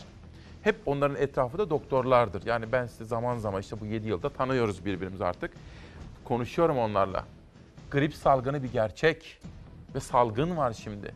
İstanbul Beylikdüzü'nde iki çocuğumuzu kaybettik. Dolayısıyla çok dikkat etmemiz gerekiyor. Kendimize iyi bakacağız. Sağlıklı ve dengeli besleneceğiz. Uykumuza dikkat edeceğiz. Stresten uzak olacağız. Kahvaltıları mutlaka yapacağız. Ellerimizi sık sık yıkayacağız. Çünkü çok fazla tokalaşıyoruz, çok fazla öpüşüyoruz. Ellerimizi sık sık yıkayacağız efendim. Grip salgınlarına dikkat etmemiz gerekiyor. Sağlık Bakanlığı da bu konuda alarma geçti. Hatta o şurupları falan da dağıtmaya da başladı. Biraz önce bir izleyenim gazetecilikten bahsediyordu ya. Ne diyordu? AK Partiliyim ama MHP'ye meyilliyim, size güveniyorum diyordu. Ben de dedim ki önemli olan ülke sevgisi. Bakın bugün Doğan Tılıç hocamız bir yazı yazmış. İran gazetecilik ve tarihin sonu. Şimdi İran'da bir şeyler oluyor. Ortalık karıştı. Halk rahatsız tabii. Neden zengin petrol ve doğal gaz kaynaklarına sahip olan bir halk mutsuz yaşasın ki? Ama gazeteciler İran'da yıllarca sizi kandırdık diyerek gazeteciler istifa etmeye başladı. Televizyonlardaki spikerler, sunucular çok özür diliyorum diyorlar. Biz sizi kandırdık diyorlar iktidar medyası. Doğan Tılıç diyor ki gazeteciliğin ölümü ve hakikatin arayışı. Bu önemli. Ve soba gazını vermiş miydim ben sobadan? Verdik onu değil mi? Peki o zaman gazete manşetlerine devam ediyorum. Bir gündeki bir detay daha okuyalım. Şeriatın ön yoklaması Sözleşme Komisyonu'nda Burcu Cansu'nun haberi. Şeriat hükümleri içeren İKÖ kadın tüzüğü yeniden Dışişleri Komisyonu'na geldi. CHP'li Özgür Özel düzenlemenin Cumhuriyet'in niteliklerine aykırı olduğuna dikkat çekti. İslam İşbirliği Teşkilatı'nın katkılarıyla düzenlenen Genç Kadın Liderlik ve Girişimcilik Programı kapsamında 50 ülkeden 55 Müslüman kadın lider meclisi ziyaret etmişti. Erdoğan tarafından 15 Ocak 2019'da onaylanmak üzere Türkiye Büyük Millet Meclisi'ne gönderilen ve kadın örgütleriyle muhalefet partilerinin tepkisini çeken İslam Konferansı Örgütü Kadın İlerlemesi Teşkilatı tüzüğüne ilişkin sözleşme yeniden Dışişleri Komisyonu'nu gündemine geldi. Sözleşmede Müslüman aleminde hızla değişen, gelişen ve modernleşen bir dünyada kadınların, erkeklerin saygı duyulan eşleri olarak yetiştirilmesi. Bu cümleyi bir daha okuyalım. Müslüman aleminde hızla değişen, gelişen ve modernleşen bir dünyada kadınların erkeklerin saygı duyulan eşleri olarak yetiştirilmesi gibi çok sayıda tartışmalı madde var. Şimdi efendim şöyle, bir zihniyette sorun var burada, bir çelişki. Meseleye böyle şaşı bakılıyor. Kadınlar erkeklerin saygı duyacağı, tam tersi olması gerekir aslında. Yani karşılıklı olarak birbirimize saygı duyacağımız medeni ve eşit bir ilişkiyi tesis etmek, medeni bir hayatı kurmamız zorunlu. Büyük önderimiz Atatürk'ten öğrendiğimiz işte bu. Yani kadını onun için biz toplumda yükseltmemiz gerekiyor. İşte o nedenle bizim İsmail Küçükkaya ile Çalar ailesinin temel felsefesi şu. Kadın erkek eşitliğini tam olarak sağlamak için bakanların yarısı, parlamentonun yarısı, rektörlerin, hastanelerdeki başhekimlerin, baro yönetimlerinin, Yani nereye bakarsanız bakın toplumun yarısını oluşturduğu için kadınlar da orada yarı yarıya temsil edilirse sorun çözülür. Gerisi palavradır. Gerisi size ne söylüyorsa makyaj yapıyordur. Bunu unutmayın. Kadın erkek eşitliğini sağlamak için siyasette eşit temsili sağlamamız zorunluluktur diyorum. Ve bir başka önemli konu. 16 Ocak 2020 günlerden Perşembe İsmail Küçükkaya Demokrasi Meydanı'nda FETÖ ile mücadele. FETÖ'nün okulunda okuyan siz, bankasıya para yatıran siz, Türkçe olimpiyatlarından nutuk atan siz, Pensilvanya'da el etek öpen siz, FETÖ'cü kim? FETÖ'cü biz. Bu dil FETÖ'yü bulma dil değil, FETÖ'yü aklama dildir. Çıkın milletten özür dileyin, bizden özür dileyin. CHP'nin FETÖ'nün siyasi ayağına ilişkin verdiği önerge gündeme alınmadı henüz ama Meclis Genel Kurulu'nda yine FETÖ tartışması patlak verdi. Nedeni iktidara yakın bir gazetenin manşetinde CHP'nin FETÖ ile ilişkilendirilmesi. Yarın reis çıkar. Bu Fethullah'ın sorumlusu CHP İnönü diyebilir. Niye? Bu Fethullah Gülen'in annesi 1941'de hamile kaldı. Ey İnönü buna niye müdahale etmedin diyebilir. Zaman gazetesinin yaşaması için her türlü desteği vereceğiz diyor. Kemal Kılıçdaroğlu söylüyor bunu. Bu grupta Fethullah Gülen'in makamına gidip başına türban bağlayıp resim çektiren bir tane kadın milletvekili yok. Sizde var. Eski grup başkan vekiliniz. Dershane kapatılmam diyen CHP vekilleri var. Şu manzaraya bak insan utanır biraz. Şuna bakın. Bak ilk dönüncüsü ilk dönünceğiz. Bakın ilk dönünceğiz burada. AK Partili vekillerin Pensilvanya'da FETÖ lideriyle çekilen o fotoğrafını genel kurul kürsüsüne getirdi bir kez daha Veli Ağbaba. Cumhurbaşkanının İsmail Ağa cemaatine yaptığı ziyareti de hatırlattı. Ya ilk dönünceğiz türban takmıyor. Türban gitmiş Fethullah'ın huzurunda türban takmış. Hala cemaatlerle ilişki kuruyorsunuz. Hala cemaatlerin, şeyhlerin önünde diz çök. Demirel'in, Ecevit'in, Erbakan Hoca'nın, Mesut Yılmaz'ın, Çiller'in, Özal'ın, Kasım Gül'ün hepsinin örgütle beraber fotoğraf var. Ecevit'e diyor ki ben size şefaatçi olacağım. Geçmiş dönemde politika yapan hiçbir siyasetçi Fethullahçı genel müdür atamadı. Fethullahçı vali yapmadı. Fethullahçı müsteşar yapmadı. O bombalar atan darbeci generallerin tamamı sizin döneminizde terfi etti. Bunu kısır tartışmalara dönüştürmek yerine kuralım bir FETÖ Araştırma Komisyonu. İyi Parti FETÖ'nün araştırma önergesini sözlü de gündeme getirdi ama iktidar kanadından yine destek görmedi. Aslında Bahçeli şunu yapabilir. Bakın ben Sayın Bahçeli'nin FETÖ ile mücadeledeki samimiyetini bilirim. Uzun yıllardır bunu söyler. Değil mi? Ama Bahçeli şunu yapabilir. Bu iktidar artık Bahçeli'ye bakmadan adım atamadığına göre ki doğru bu artık ittifaklar dönemindeyiz. Olabilir Cumhur İttifakı. Sayın Bahçeli etkinliğini kullanabilir. Diyebilir ki Sayın Erdoğan'a 15 Temmuz'u beraber yaşadık. Gelin bunun siyasi ayağını parlamentoda araştıralım. CHP ile İyi Parti ile olmaz bu iş. Onların önergesine ben sıcak bakmam. Bunu anlarım ben Ankara gazetecisi olarak. Ama Sayın Bahçeli şunu yapabilir isterse. Erdoğan'ı ikna edebilir ve parlamentoda bu FETÖ denen illetin siyasi ayağını ortaya çıkarmak üzere ciddi bir çalışma yaptırılabilir. Ya boş verin CHP'yi, İyi Parti'yi. AK Parti ile MHP bunu yapabilir. Çok ikna edici ve inandırıcı olur. Memlekete de büyük hizmet olur diye düşünüyorum efendim. Bir günden bir haber daha sonra akşam gazetesine geçelim. 2000 cihatçı Türkiye üzerinden Libya yolunda. Libya'da ateşkese dair belirsizlik sürerken Türkiye üzerinden cihatçıların bu ülkeye gittiği iddia edildi.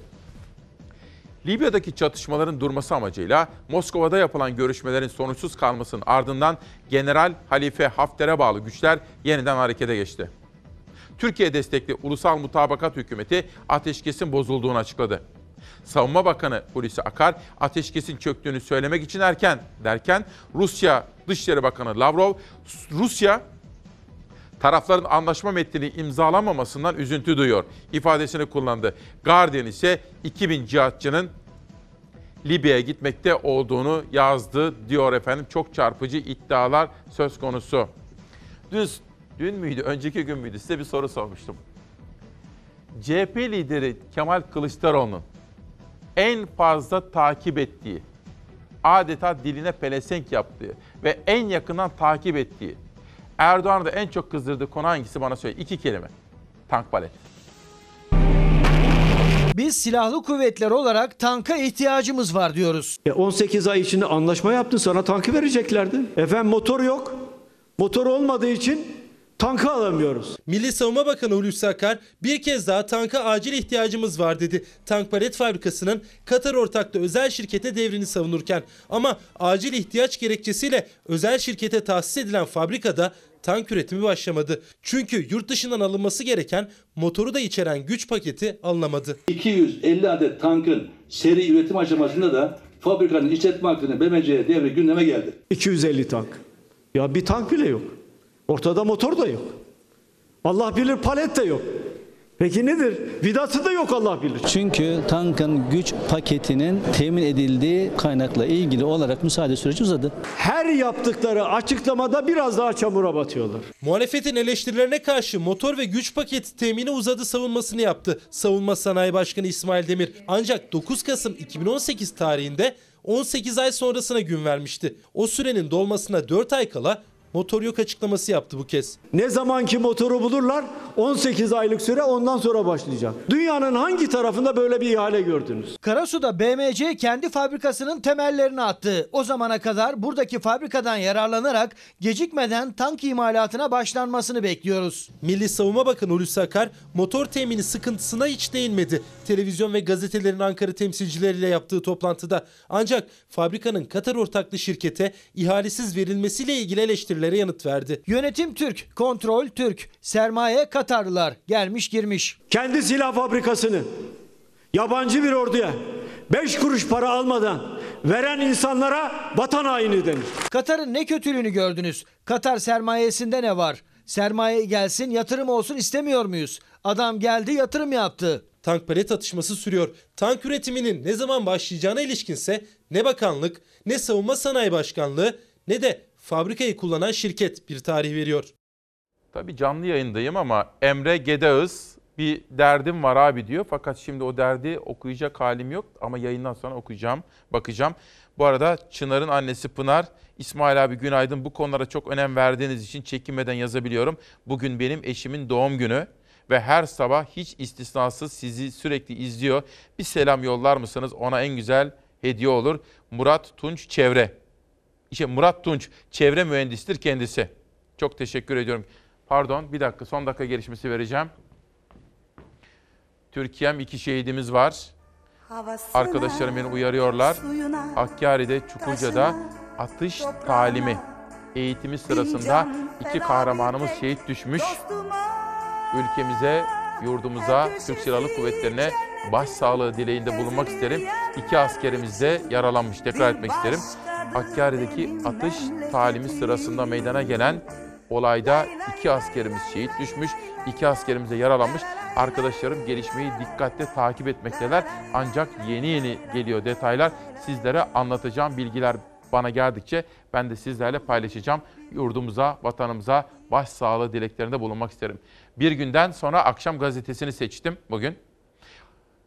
Afrika'da aklanacak, örgüte dağıtılacaktı FETÖ dolar. İstanbul Mali Polisi FETÖ'nün ikinci kalpazan çetesini de 127,5 milyon sahte dolarla yakaladı. Örgütün parayı Afrika ve Güney Amerika'da piyasaya sürerek aklamayı planladığı ortaya çıktı diyor. Ve İstanbul Emniyeti'nin özellikle Mali Polisi'nin çok büyük bir operasyonu kendilerine de ülkemiz adına teşekkür etmemiz gerekir. Şimdi sadece CHP değil, daha doğrusu sadece Kılıçdaroğlu değil, Kılıçdaroğlu'nun yakın kurmayları da tank palet fabrikası konusunun peşini bırakmıyor. Bizim muhatabımız olayın siyasi ayağıdır. Askeri fabrikamızı Katar ordusunun büyük ortağı olduğu bu yapıya peşkeş çekenlerdir. Ethem Sancağı talimat vererek geri çekilmesini söyleyen AKP Genel Başkanı ne zaman isterse istediği kanalda Sayın Kemal Kılıçdaroğlu'yla milletin karşısına çıksın. Hodri meydan diyoruz onlara. Tank paletle ilgili son ve tek sözümüz var. Tank palet vatandır, satılamaz diyoruz. Sıra geldi iktidara. Tabii iktidarı da muhalefeti de görmemiz, izlememiz ve takip etmemiz gerekiyor. Akşam gazetesinden sonra da Cumhuriyet Gazetesi'nin manşetine geçiyorum. Bakalım neler var. Ödenekler aşıldı, faiz gideri 100, Açık 123.7 milyar lira oldu. Saray ve faize bütçe yetmedi. Mustafa Çakır'ın haberi. Hükümet harcamalarda sınır tanımadı. 2019 bütçesi 123.7 milyar lira açık verdi. Hedeflenen 80.6 milyar liralık bütçe açığını yeni ekonomi programı ile 125 milyar liraya çıkaran hükümet, Merkez Bankası'ndan aktarılan 42 milyar liralık ihtiyat akçesiyle rahatladı. Aksi halde açık 166 milyar lira olacaktı. Örtülü ödenekten 2 milyar kullanıldı. Hükümet birçok kalemde başlangıç ödeneklerini aştı. Bütçe 1993'ten bu yana ise ilk defa faiz dışı açık verdi. Hazineden 114 milyar lira yardım yapılan SGK'nın görev zararı 83.2 milyar liraya çıktı. Örtülü ödenek harcaması 2 milyar, faiz giderleri 99.9 milyar lira oldu. Bakın örtülü ödenek harcaması 2 milyar, eski parayla 2 katrilyon. Örtülü ödeneğin ne olduğunu biliyorsunuz değil mi? Örtülü ödenek yani devlette hesabı çok sorulmasın. Devlet işleri olabilir. Şuraya buraya aktaralım. Bir tek işte yetkili kişi, en tepedeki isimler talimat verirler. Şuraya ödensin. Devletin ve milletin âli menfaatleri için bu bütçe dışıdır. Daha doğrusu bütçe dışı demeyeyim de kayıt dışıdır aslında. Çünkü bunun hesabı kitabı sonra örtülü. Bak örtülü ödenek. Mesela diyelim istihbarat harcaması. Şuraya bu kadar yollayın. Bir kişi muhtebet ta Demirel Özal her zaman da yapılırdı. Fakat şimdi ortaya çıkan mesele şu 2 milyar harcama yapılmış efendim örtülü ödenekle ilgili. Az evvel muhalefete bakmıştık. Sıra geldi iktidara. Dışişleri Bakanı Çavuşoğlu.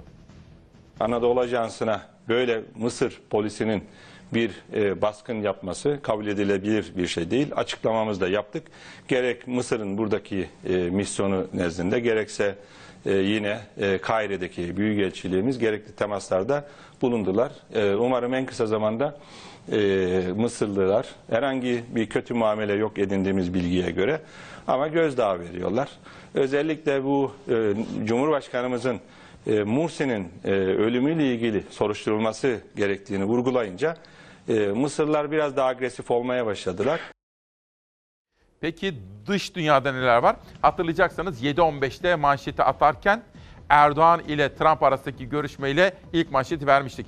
İsrail'in devlet televiz devlet terörü manşeti de ikinci haberdi. Bunun dışında da Rusya'dan haberler var efendim ama yeni çıkan kitaplara da bakacağım. Erol Çevikçe daha iyimserim. Siyasi öz eleştiri yapmış Erol Çevikçe. Biraz sonra adalet istiyorum diyen bir baba görevini yaparken üniversitede kopya çekerken bir çocuğu yakalıyor. Bir çocuğu değil de kocaman bir adam artık. O da vahşice öldürüyor hocayı. Ceren'in babası buraya geldi. Davet ettim kendisini sizler için. Herkes birbirine haber versin. O babayı duymanızı istiyorum. İbrahim Zaman Fotoğraf Sanatçıları dizisinde Eczacıbaşı'nın bu defa İbrahim Zaman eseri bize geldi efendim. Onu da sizlere anlatma imkanı bulalım.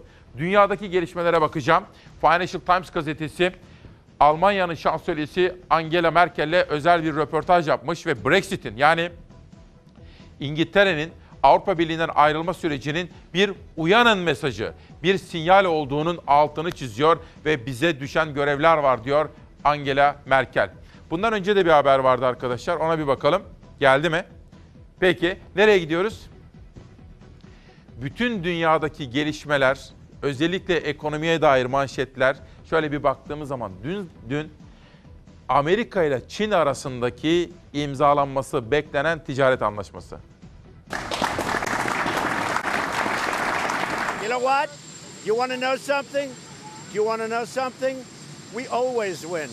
Trump bu sözleri sarf etmişti. Çin'le aralarındaki ticaret savaşı başladığında 2018'den beri devam eden savaş küresel ekonomiye, dünya piyasasına olumsuzluklar yaşattı. Ticaret savaşları 2019 yılında 600 milyar dolarlık ürünü etkiledi. Sonunda Amerika ve Çin savaşı bitirmek için ilk adımı attı ve ticaret anlaşması imzalandı. G20 zirvesinde 30 Kasım 1 Aralık'ta yapılmıştı ateşkes. İki ülke 90 gün içinde savaşı bitirerek anlaşmaya varabilmek için ticaret müzakerelerinde bulunacaklarını açıkladı. Müzakereler ilk meyvesini verdi. Amerika Başkanı Donald Trump ve Çin Devlet Başkan Yardımcısı Liu He Beyaz Saray'da masaya oturdu. Trump'ın faz 1 olarak adlandırdığı ticaret anlaşmasını imzaladılar. Amerika anlaşma kapsamında Çin ürünlerine getirdiği yüksek gümrük tarifelerini yarıya indirecek. Çin de Amerika'dan yaptığı ithalat miktarını 200 milyar dolar artıracak. Amerikalı uluslararası ticaret uzmanı Melissa Duffy anlaşmanın zafer niteliği taşıdığını ancak iki ülke arasındaki sorunların halledilmesinin zaman alacağını açıkladı. They are getting a commitment for a 200 billion dollar increase. Amerika Çin'e yapılacak ithalatta 200 milyar dolarlık bir artış taahhüdü aldı. Bu Amerikalı üreticilere çok yardımcı olacak. Bununla birlikte Amerikan endüstrisinin Çin'e karşı tutumunda değiştirmesi gereken yapısal sorunlar var. Birinci fazda bunlar halledilmeli. Bu sorunlara faz 2 ya da faz 3'te yaklaşılır diye düşünüyorum. Hong Kong'ta aylardır devam eden protestolarda Trump'ın gösterileri destekleyerek iki yasa tasarısı imzalaması çok ses getirmişti. Çin Trump'ın davranışını iç ilişkilerine aşırı müdahale olarak yorumlamıştı. Yaşanan yeni gerilimin ticaret müzakerelerine yansıyacağı küresel piyasalarda endişe yaratmıştı. Korkulan olmadı. Amerika ticaret anlaşmasını dönüştürücü, Çin de kazan kazan ilişkisi olarak yorumladı. Şimdi gözler iki ülke arasında devam edecek diğer ticaret anlaşmalarında. Sırada yerel gazeteler ve sosyal medya manşetleri var efendim. Sosyal medya manşetleri burada. Ama dün akşam bir konsere gittik. Kimle gittim? Annemle gittim. Annem dedim ki, anne dedim hadi İstanbul'daki son gününde seni bir türkü dinlemeye götüreyim. Cem Adrian vardı. Bakın Muzaların türküsü iş sanattaydı. Ve ama orada gerçekten gürül gürül coğrafyamızın türküleri. Cem Adrian, Feryal Öney, Asım Kuzuluk, Mehmet Demir vardı, Battal Sazcı vardı türkülerimiz ve İzmir Violensel Topluluğu onlardan da Bodrum'dan bir davet geldi bakın 15 Şubat 2020 saat 20.30 Herodot Kültür Merkezi'nde bir etkinlik. Bu arada dünyadaki gelişmelere bakın yakından bakalım. Dün sizlere bir soru sormuştum. Dünyada şu anda dediğini en çok yaptıran lider kim? Tabii 20. yılını kutluyor iktidarda Putin ve dün sürpriz hamleler yaptı. Bunun haberini hazırladım daha doğrusu arkadaşlarımla birlikte hazırladık. Sizlere sunmak üzere şu anda hazır sunacağım. Ama önce sosyal medyanın manşetleri. Füsun Nebil, Anayasa Mahkemesi'nin gerekçeli Wikipedia kararı resmi gazetede yayınlandı ve Türkiye bir ayıptan Anayasa Mahkemesi sayesinde kurtuldu. Buradan Anayasa Mahkemesi'nin özgürlükçü hakimlerine içtenlikle teşekkür ediyorum. Adım ve kanalım ekip arkadaşlarım adına. İyi ki Anayasa Mahkemesi var. Anayasa Mahkemesi son yıllarda Wikipedia, Barış Akademisyenleri, Mehmet Altan, Şahin Alpay, Sırrı Süreyya Önder, Can Dündar, Erdem Gül gibi önemli kararlar verdi. Yani eğer güvencesi varsa yargı iktidarın hoşlanmayacağı kararlar alabilir. Güçler ayrılığı bu yüzden çok önemli. En önemlisi bu. Güçler ayrılığı ne olduğunu biliyoruz değil mi efendim? Yasama, yürütme, yargı. Yasama, meclis.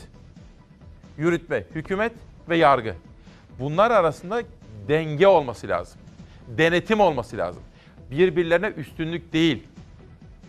Birbirlerini kontrol edecekler ki hata yapılmasın.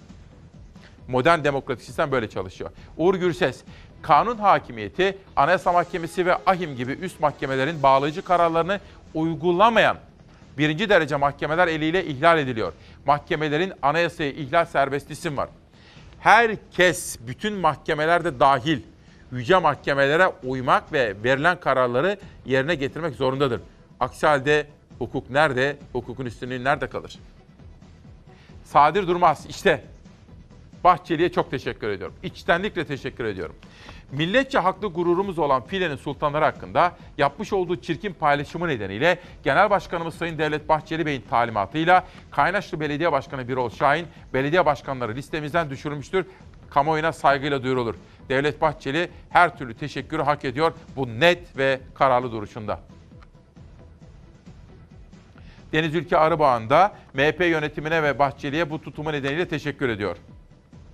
Çünkü dün eleştirilerini okumuştum. Alpan Manas, Ulaştırma Bakanı yaptığı hesaplamaya itiraz ediyor. Kendisi bir iş adamı.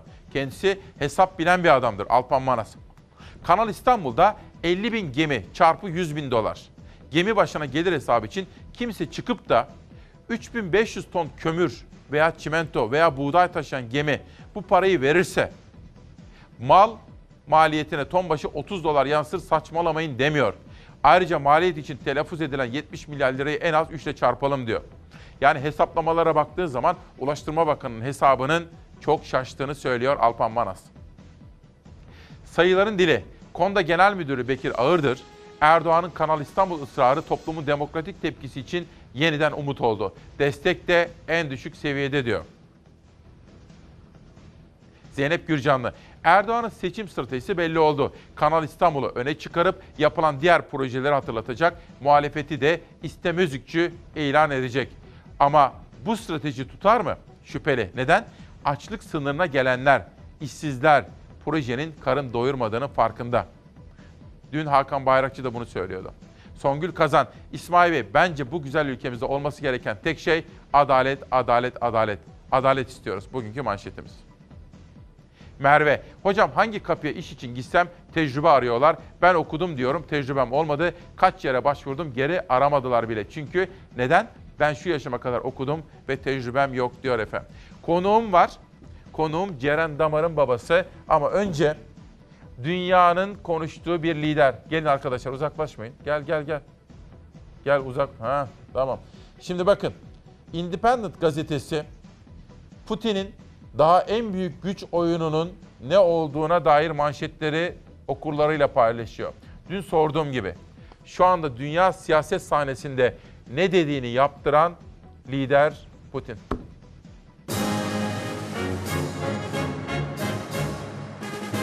İktidardaki 20. yılını kutlayan Putin herkesi şaşırtan bir değişikliğin fitilini ateşledi. Başbakan Medvedev hükümetin istifasını verdi. Putin Medvedev'den boşalan koltuğa Federal Vergi Servisi Başkanı Mihail Mishustin'i önerdi.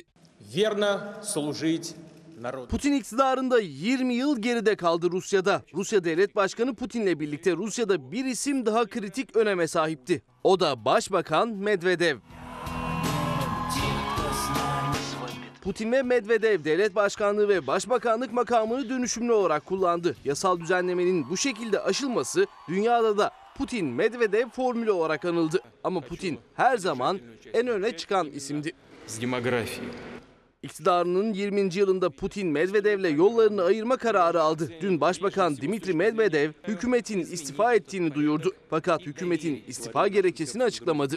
Rusya Devlet Başkanı Vladimir Putin, Medvedev'den boşalan başbakanlık koltuğuna 2010'dan bu yana Rusya Federal Vergi Servisi Başkanlığı görevini yürüten, daha önce adı pek duyulmamış olan Mihail Mushustin'i önerdi. Adaylık teklifi onay için Rus parlamentosunun alt kanadı Duma'ya sunuldu. Mishustin'le ilgili oylamanın bugün yapılması planlanıyor. 16 Ocak 2020. İsmail Küçükkaya ile Demokrasi Meydanı'na bir konuk davet ettim. Sizler için dün atlayıp geldi. Hepinizin dikkatle izlemesi gerekiyor. Neden? Bir kızımızı kaybettik vahşi bir cinayetle. O kızımız için. Sizin de kızınız var değil mi? Ya da sevdiğiniz bir kızınız, çocuklarınız var. Çocuğunu kaybetmiş bir aile için. Başka? Başka çocuklar cinayetlere kurban gitmesin diye. Nefesinizi bile tutarak izlemenizi isteyeceğim. Mustafa Damar, bir baba. Adalet istiyorum diyen bir baba. Ceren Damar'ın babası. Efendim hoş geldiniz. Hoş bulduk. Nasılsınız? Çok teşekkür Bu ederim. vesileyle bir kere daha sabır ve başsağlığı diliyorum. Sağ olun. Demokrasi meydanına geldiniz çünkü siz adalet arıyorsunuz. Ama izleyenlerimize şöyle kısacık bir hatırlatmak istiyorum olayın ne olduğuna dair. Dikkatle izliyoruz. Ceren Damar vahşice öldürülen bir kızımız. Bir daha hiçbir kızımızı vahşi erkek cinayetlerine kurban vermeyelim diye. Dikkatle. Göz ağrısı bu Nuru. Şaka de ne olur Hatice teyze şaka yapma. Gencecik bir akademisyen adaleti öğretmek için emek harcadığı öğrencisi tarafından bıçaklandı, kurşunlandı ve artık hayatta değil. Ceren Damar Şener'in kopya çekerken yakaladığı öğrencisi tarafından acımasızca katledilmesi herkesi isyan ettirdi. Kimsenin kalbini kırmadın sen. Kalbini kırdılar.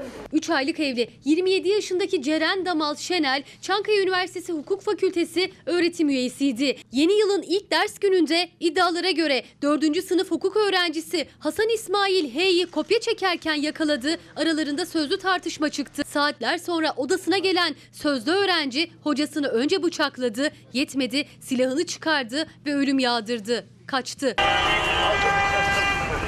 Ceren Hoca'yı yaşatmak için verilen mücadele sonuçsuz kaldı. Ailesi acı haberle yıkıldı. Daha önce de kopya çekerken yakalanmış bir kere daha. Bu ikinci olması üzerine zaten 11.30'da benim girdiğim sınava girmişti. Ve iddialara göre o sınav bitiminden sonra katil zanlısı öğrenci harekete geçti, evine gitti. Babasının beylik silahını aldı, yanına bir de bıçak alarak okula geri döndü ve hocanın da bulunduğu hukuk fakültesi binasına giriş yaptı. Ceren Şenel'i vurup kaçan katil zanlısı kısa sürede yakalandı, gözaltına alındı. Sabahındaysa okulunda Ceren Hoca için bir araya geldi tüm sevenleri. 3 ay önce evlendiği eşinin manidar cümleleri okul kampüsünde yankılandı. Bunu belki söylemek benim haddime düşmez ama iyi bir hukukçu, iyi bir mühendis, iyi bir doktor değil. iyi bir insan olmaya çalışın arkadaşlar. Cumhurbaşkanlığı Sözcüsü İbrahim Kalın da komşusunun kızı olan Ceren Hoca için üzüntüsünü sosyal medyadan duyurdu. Olayın tüm yönleriyle araştırıldığını söyledi. Katil zanlısının o silah ve bıçağı üniversiteye nasıl soktuğunu emniyet araştırıyor.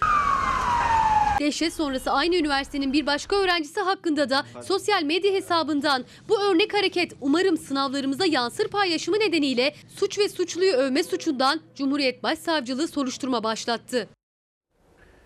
Şimdi geçen hafta Çorlu kazası ile ilgili de söylemiştim. Neden takip ediyoruz bu olayları? Hani olmuş bitmiş. Öyle değil. Bir, yitip giden çocuklarımıza borcumuz var. İki, onların acılı ailelerine borcumuz var. Yüreklerindeki o yangını bir parça adaletle söndürmemiz gerekir. Üç, geride kalan başka insanların çocukları böyle acıları yaşamasın diye. Efendim hoş geldiniz. Bir kere daha Çalarsat ailesi olarak başınız sağ olsun diyorum. Dava ne zaman? 24 Ocak 2020 tarihinde gelecek hafta Cuma günü. Nasıl gidiyor şu anda? Tabii bir yılı geçti. 13. ay içerisindeyiz. Böyle bir davanın bir yılı aşkın bir süredir devam ediyor olması e, açıkçası kabul edilebilir bir durum değil. Her şey çok açık, net. Her şey e, tanıklarıyla, delilleriyle, Suçüstü bilgileriyle. var zaten, değil mi? Tabii tabii çok e, iki üç tane doçent, profesörün e, suçüstü yakalamasıyla e, her şey ortaya çıkıyor. Çok net yani. Şimdi kızımız görevini yapıyor. Evet. Ve sınav sırasında kopya çekiyor kişi. Katil zanlısı diyoruz değil mi ona? Biz hala hüküm verilmediği için katil zanlısı. Burası Türkiye Cumhuriyeti. Ee, Türkiye Cumhuriyeti'nin resmi dili Türkçe. Türkçenin de bağlı olduğu lügat Türk Dil Kurumu'nun sözlüğü. Orada insanı öldürülene katil denir diyor. ben bunu katil olarak Şimdi ifade ediyorum. o kopya çekerken yakalıyor. Sonra kızımızı vahşice önce silahla İzin verirseniz Lütfen, bir ben anlatır e, kısaca bir Peki.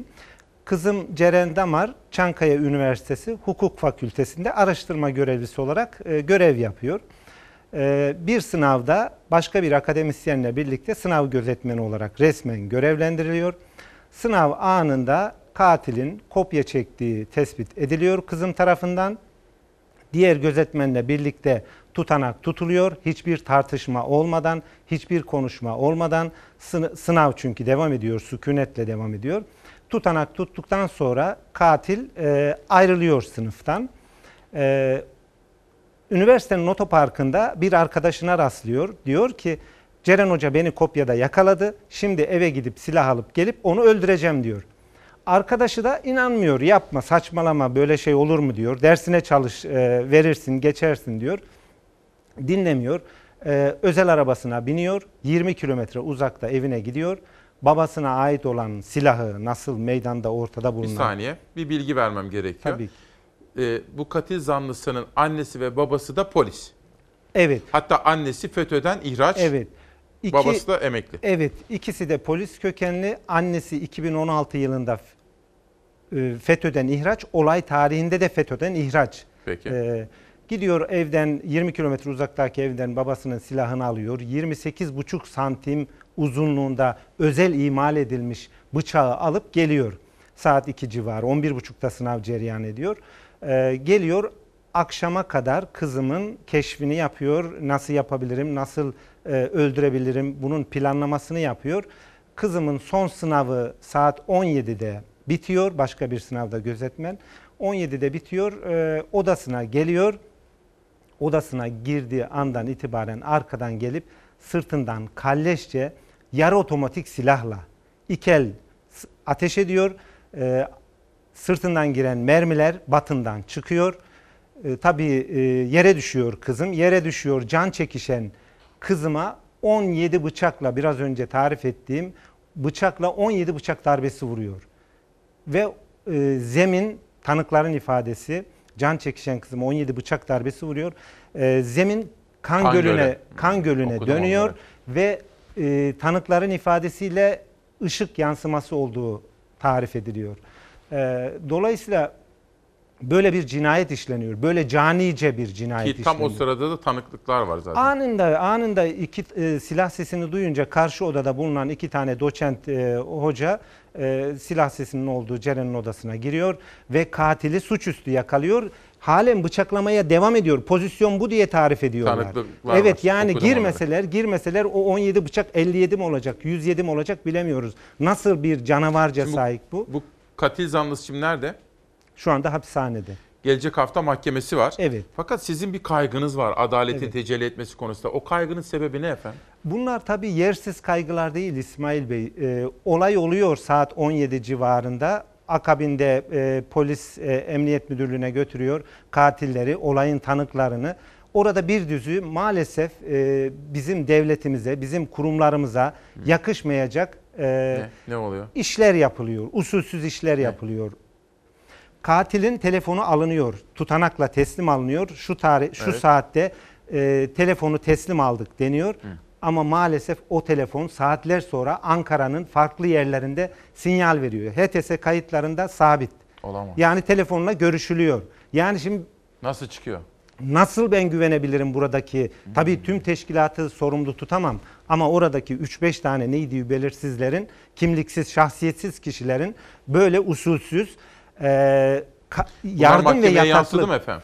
E, tabii Mahkeme ki bunlar, bunu araştırıyor mu? Tespit etti Tabii mi? tabii bunların tamamını biz Tamam. delilleriyle ortaya koyduk. Tamam. Yani e, canımızı, malımızı emanet ettiğimiz emniyet güçlerinin içerisinde bu tip maalesef devlette maaş alan personel var. Sadece bu değil.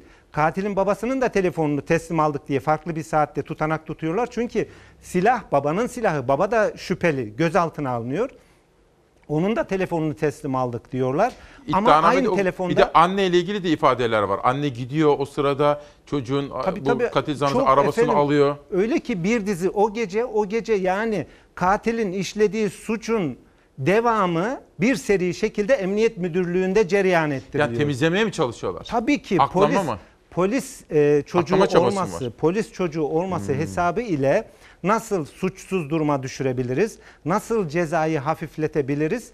Onun çabası içerisinde onun çabası Ama içerisinde. emniyet teşkilatı buna izin Ha- vermez bakın efendim. efendim, yani yok. katil zanlısının e, işte babası polis diye falan yani orada Ama dürüst polisler de vardır. Bu belgeler, bu bilgiler somut. Örnek veriyorum kriminoloji diye bir laboratuvar.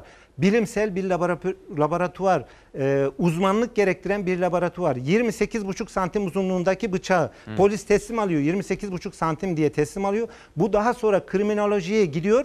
Orada ne yazıyor biliyor musunuz yazıyor? raporda? Yaklaşık 16 santim Yaklaşık uzunluğunda. Evet evet. Yani size, sizin ölçecek Tam aletiniz mi yok? santim santim. Milimetrik hesap vermesi lazım İsmail Bey. enteresan. Şimdi bu elimde yani bunlar e, Bu dava nerede görülüyor? Ankara 33. Ağır Ceza Mahkemesi'nde. Mahkemeye böyle bir baktığınız zaman ne görüyorsunuz? Şimdi mahkemenin tabii 7 ay sürdü iddianamenin hazırlanması. 7 ay sonucunda savcı müta, e, iddianamede e, tasarlayarak, e, canavarca hisle ve eziyet çektirerek e, kamu görevlisini yapmakta olduğu görevden dolayı öldürmeden e, kaynaklı olarak e, Türk Ceza Kanunu 82. maddesi gereğince ağırlaştırılmış müebbet hapis cezası müebbet. istedi. Yani 30 küsür yiyecek. Evet onunla, onu da Eğer konuşacağız. mahkeme Onu böyle da- karar verirse. Evet onu da konuşacağız. Üzücü olan ayrı bir nokta. Peki siz Bunun akabinde e, şu- iki duruşma görüldü şu ana kadar. İki duruşma. Birinci duruşmada gelindi, beyanlar alındı.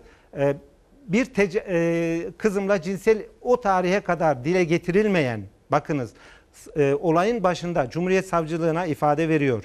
Poliste ifadesi var. Hakim karşısında ifadesi var. Hepsinde diyor kopya çektim, çekmek zorundaydım. E, Ceren Hoca yakaladı ve öldürdüm diyor. Ama Bunu geliyor- itiraf mı ediyor? Tabii tabii çok Tamam. belgelerde çok açık ve net. Başka bir gerekçe yok. Ee, Zaten insanlar da şaşırıyor buna. Yani bir kopyadan nasıl insan öldürülür diye. Düşünün e, haleti ruhiyeyi katildeki.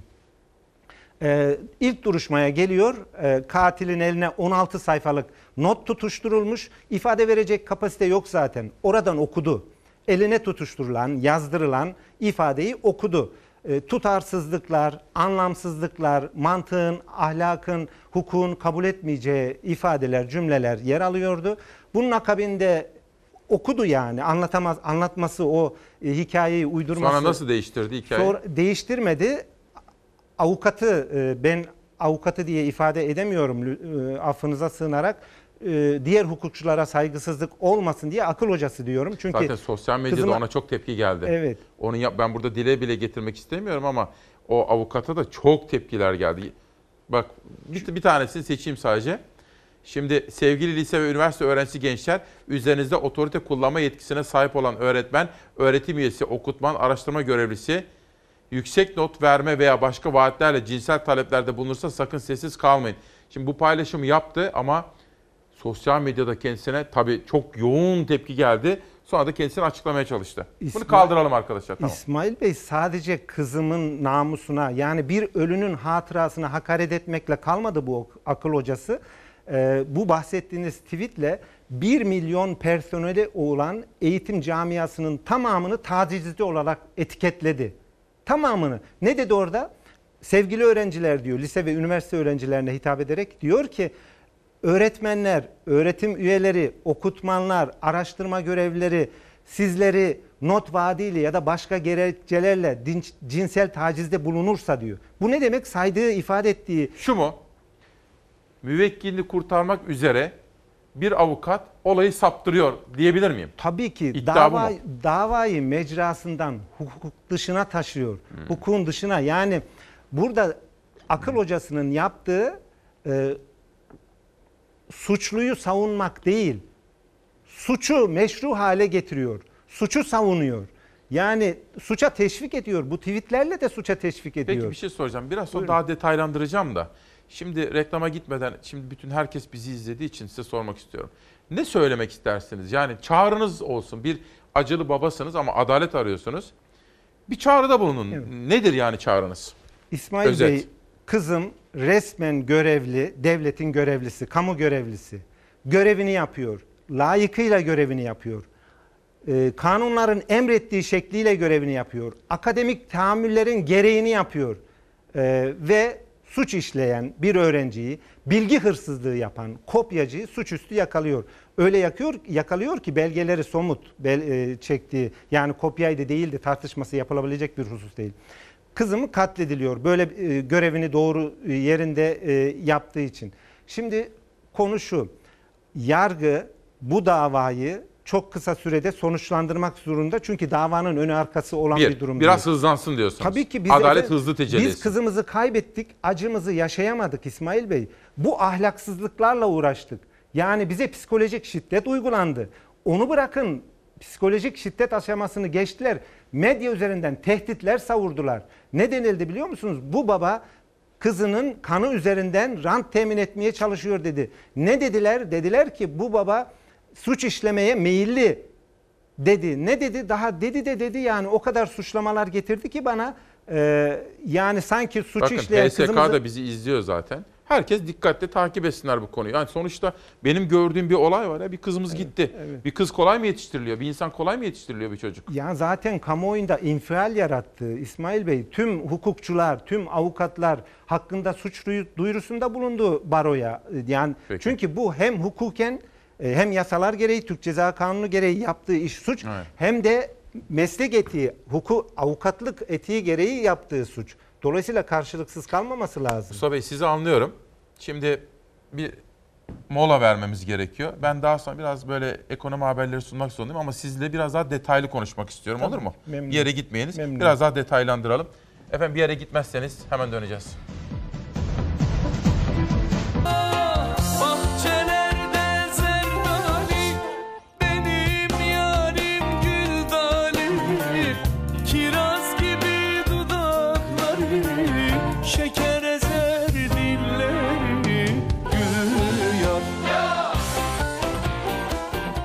ben bu klibi aslında pazartesiden itibaren hazır tutuyorum elimde fakat veremedik bir türlü akıştan dolayı. Fakat Abdülkadir Konukoğlu bu Zeugma'yı bana verince içinde kültürümüzün, coğrafyamızın, ülkemizin eşsiz güzellikleri var burada. Bu vesileyle Gaziantep klibini vermek istedim efendim. Günaydın. 16 Ocak 2020 günlerden Perşembe İsmail Küçük ile Demokrasi Meydanı'ndasınız. Adalet istiyorum diyoruz. Biraz sonra Mustafa Damar buraya gelecek ve konuşacağız. Gazete manşetlerine şöyle bir bakmak isterim. Bir Gün Gazetesi hepsi yalan, tek gerçek, zengin, fakir ayrımı. Şimdi bir ekonomi haberi vereceğim. Önce ekonomi manşetini atacağız. Sonra günün özetini sizlere anlatmak istiyorum. İktidarın suni meseleler üzerinden gerçek sorunları perdeleme çabaları tutmuyor diyor. Kadir Has Üniversitesi tarafından hazırlanan Türkiye Eğilimleri Araştırması iktidarın tüm kutuplaştırma çabalarına rağmen gerçek sorunların üstünü perdeleyemediğini gösterdi. Araştırma ülkenin en önemli sorunlarının işsizlik, kriz ve hayat pahalılığı olduğunu ortaya koydu. Araştırmaya göre ekonomik sorunlar %46.1 ile en önemli sorun olarak görüldü denilmekte. Ben de sizlere sormak istiyorum. Evet evet sizlere. En önemli meselemiz, derdimiz, konumuz nedir? Şu gördüğünüz bodro gerçeği yansıtan kamu görevlisinin bodrosu. Ülkemizin bu soğuk havasında bu bodroları yakarak bu havayı ısıtmaya çalışacağız. TÜİK verilerine göre gıda %20 oranında zamlandı. Çarşıda, pazarda TÜİK verilerinin aksine %42'yi göstermektedir. Bir tarafta memurun %4 zamlı ilk maaşının bordrosu, diğer taraftaysa iğneden ipliğe yapılan zamların kalem kalem listesi vardı. Memurlar da enflasyon karşısında eriyen maaşlarının bordrolarını yaktı. Yeniden değerleme oranları %22.58 olarak belirlenirken %4 artı 4 zam yapmak hangi vicdanla, hangi adaletle bağdaşır? Bugün pazara gidin, iki meyve sebze alın, 150'den aşağıya çıkmıyorsunuz. Geçen yıl 170 verdiğim faturayı bu yıl 300'e çıktı. Aydan aya, yıldan yıla faturalar artıyor. Bir ailenin evine ortalama 600 lira civarında sadece doğal gaz faturası gelmekte. Bu kışı başka türlü çıkaramayız. Ancak bodrolarımızı yakarak ısınabiliyoruz. Memur konfederasyonlarından hem Türkiye Kamusel hem de Birleşik Kamu İş'in talebi maaşlarına yapılan zammın vergi ve harçlara yapılan zamlar kadar yani %22.58 oranı üzerinden yenilenmesi. Konfederasyonlar memur sene randevu veren Cumhurbaşkanı Erdoğan'a da seslendi. Bizim 3-4 aydır randevu talebimiz var. Özel kalemiyle de görüştük. Bekliyoruz bakalım. Gürsel Bey iki çocuğum var okutmak istiyorum ama geçinemiyorum adalet istiyorum derken Ferhat Bey, Ferhat Sarıtaş günaydın benim için değil herkes için adalet istiyorum diyor efendim. Bugün ilk selamımızı da adalet arayan sizlere vermiş olalım. İddia Ruslar jetlerle İdlib'i bombaladı. İdlib'deki görgü tanıkları Rus jetlerinin bölgeyi vurduğunu iddia etti. Saldırılar Türkiye ile varılan ateşkes anlaşmasının ilk ihlali olarak değerlendiriliyor. Dikkat ederseniz hem Libya'da hem de Suriye'de, İdlib'de işler yolunda maalesef gitmiyor. Devletimizin yetkileri diyorlar ki İdlib'den sınırımıza doğru 400 bin kişi daha göç etmek üzere. Ya Muhammed valla Allahu Ekber. Riha riha. Esad rejimi İdlib'de ateşkes çabalarını hiçe saydı, bir kez daha sivilleri hedef aldı, hava saldırısı düzenledi. Rejimin saldırılarında 19 kişi hayatını kaybetti, 68 kişi yaralandı. Dünya hala Suriye'de. Suriye'nin İdlib'inde seyirci. Rusya'nın İdlib'de ateşkes ilan edildiğini öne sürmesine rağmen Esad güçleri kente saldırılarını sürdürüyor. İdlib'de sivil can kayıpları yaşanıyor. Esad askerleri dün bir kez daha İdlib'i vurdu. Kentin farklı noktalarına savaş uçaklarıyla saldırılar düzenledi.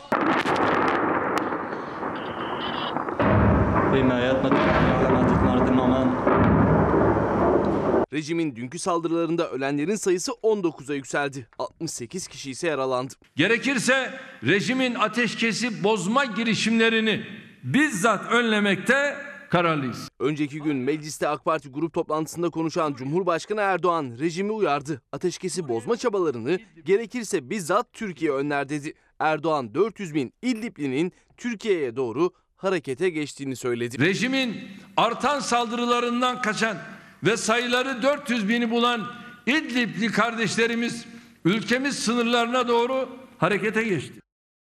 Size bir soru soracağım. Hani benim yeşil ağacı olduğumu biliyorsunuz. Sigara içmiyorum. Sigara haram mıdır? Yani kutsal kitabımızda Kur'an-ı Kerim'de böyle bir şey yok. Fakat Diyanet böyle bir fetva verdi. Ya ben şikayetçi değilim. Peki bir soru daha. Faiz haram mıdır? Kur'an-ı Kerim'de var. Peki bakalım çok sıcak bir tartışma var da bugünlerde. Hani din, siyaset, din, siyaset, siyaset, din. Neydi? Laiklik ilkesini hatırlatmamız gerekiyor. Bizim devletimizin anayasadaki hükümlerinden bir tanesi de biliyorsunuz laik devlet. Yani din ve devlet işleri birbirinden ayrılması gerekiyor değil mi? Acaba ayrıldı mı? Buna bakacağım şimdi. Ama önce Cumhuriyet'ten bir manşet okuyalım. Saray ve faize bütçe yetmedi. Mustafa Çakır'ın manşeti. Hükümet harcamalarda sınır tanımadı. 2019 bütçesi 123.7 milyar lira açık verdi. Hedeflenen 80.6 milyar liralık bütçe açığını yeni ekonomi programı ile 125 milyar liraya çıkaran hükümet Merkez Bankası'ndan aktarılan 42 milyar liralık ihtiyat akçesiyle rahatladı. Aksi halde açık 166 milyara çıkacaktı. Hükümet birçok kalemde başlangıç ödeneklerini aştı. Yani para yetmedi. Bütçe 1993'ten bu yana ise ilk kez faiz dışı açık verdi. Hazineden 114 milyar lira yardım yapılan SGK'nın görev zararı 83.2 milyar liraya çıktı. Örtülü ödenek harcaması 2 milyar, faiz giderleri 99.9 milyar lira oldu. Cumhuriyet gazetesinden Pencere gazetesine geçtiğim zaman az evvel sizlere yönelttiğim sorunun yanıtını hep beraber düşünmüş olacağız. Faiz faize cevazı Diyanet'ten önce İsmail Ağa vermiş. Diyanet'in konut kredisi için kullanılan faize cevaz vermesi tartışmaları beraberinde getirdi. Diyanet fetvasından bir ay önce de geçtiğimiz günlerde Cumhurbaşkanı Erdoğan'ın ziyaret ettiği İsmail Ağa cemaati TOKİ ve emlak konut yetkilileriyle görüşerek TOKİ için alınan kredinin faizi caizdir fetvası vermişti. Peki bütün bu tartışmalardan sonra Acaba Diyanet İşleri hangi açıklamaya getirdi? Pencere gazetesinde bunun da yanıtı var. Diyanet faiz fetvasına açıklama getirdi. Diyanet TOKİ projesi için Devlet Bankası'ndan alınan kredinin faizi caizdir. Fetvası sonrası başlayan tartışmalar nedeniyle açıklama yaptı. Açıklamada sosyal konut projesinde ev alırken kullanılan kredinin dinen haram kılınan faiz kapsamında değerlendirilemeyeceği belirtildi.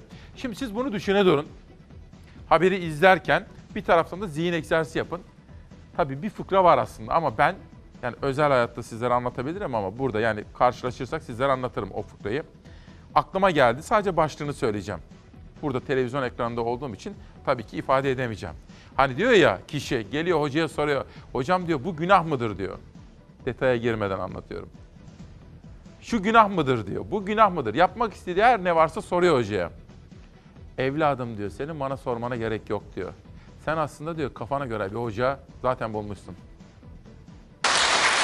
Mağdur durumda bulunan bir insan bir para aldığı takdirde borç olarak o borcun üzerine konulan her şey faiz olarak adlandırılmış. Diyaneti insafa davet ediyorum. Fetva makamı o. Fetva verdikten sonra bize bir şey söylemek düşmez. Adrese teslim fetva. Galiba bu faiz lobisinin ucu belli oldu Diyanet bu. Diyanet İşleri Başkanlığı tarihinde ilk kez faize onay verdi. Caiz dedi. İktidarın 100 bin sosyal konut projesinden yararlanmak üzere kamu bankasından faizle kredi çekerek konut almak isteyenler için yaptı bu açıklamayı. Faizi alan kamu bankasıysa caizdir, özel bankaysa haramdır. 100 bin sosyal konut inşasına müracaatlar 1 milyon 92 bin 741. 100 bin sosyal konut projesine 1 milyonun üzerinde başvuru olduğunu söyledi Cumhurbaşkanı.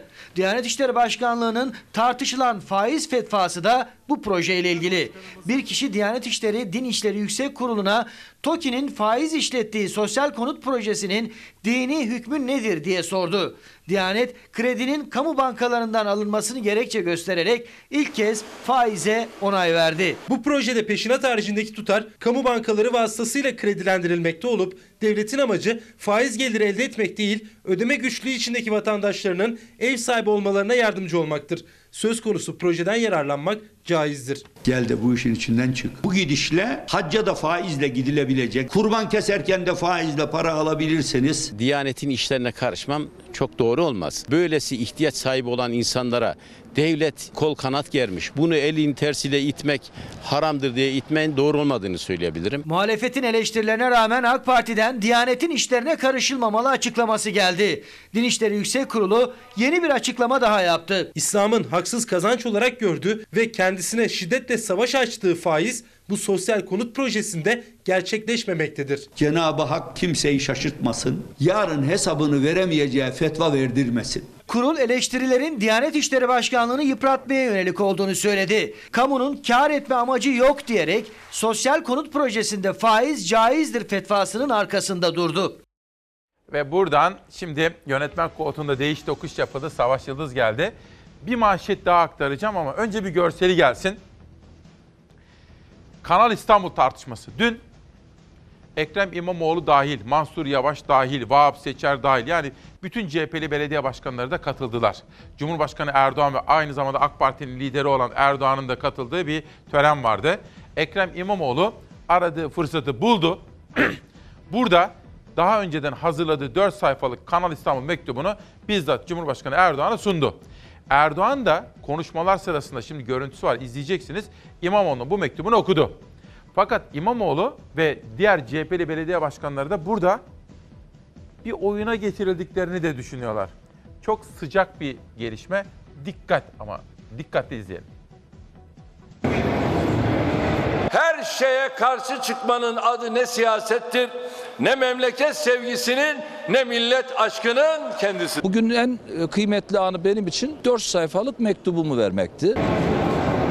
Cumhurbaşkanı kürsüde isim vermeden hedef aldı Ekrem İmamoğlu'nu Kanal İstanbul üzerinden ama kanalda demeden. İmamoğlu ise söyleyeceklerini 4 sayfalık bir mektupla iletti Cumhurbaşkanı'na. Ben İstanbul'la ilgili kendilerine briefing vermek istediğimi ve kendileriyle buluşmak arzumu dile getirdim. Bu ülkenin e, en değerli, en büyük kentinin belediye başkanıyım. Cumhurbaşkanından istediği randevuya henüz yanıt alamadı Ekrem İmamoğlu. Kanal İstanbul projesiyle ikili arasındaki gerilimin tavan yaptığı bir dönemde Ankara'da akıllı şehirler ve belediyeler kongresinde buluştular. CHP'li Büyükşehir Belediye Başkanları da oradaydı ama gözler en çok da Erdoğan İmamoğlu ikilisindeydi.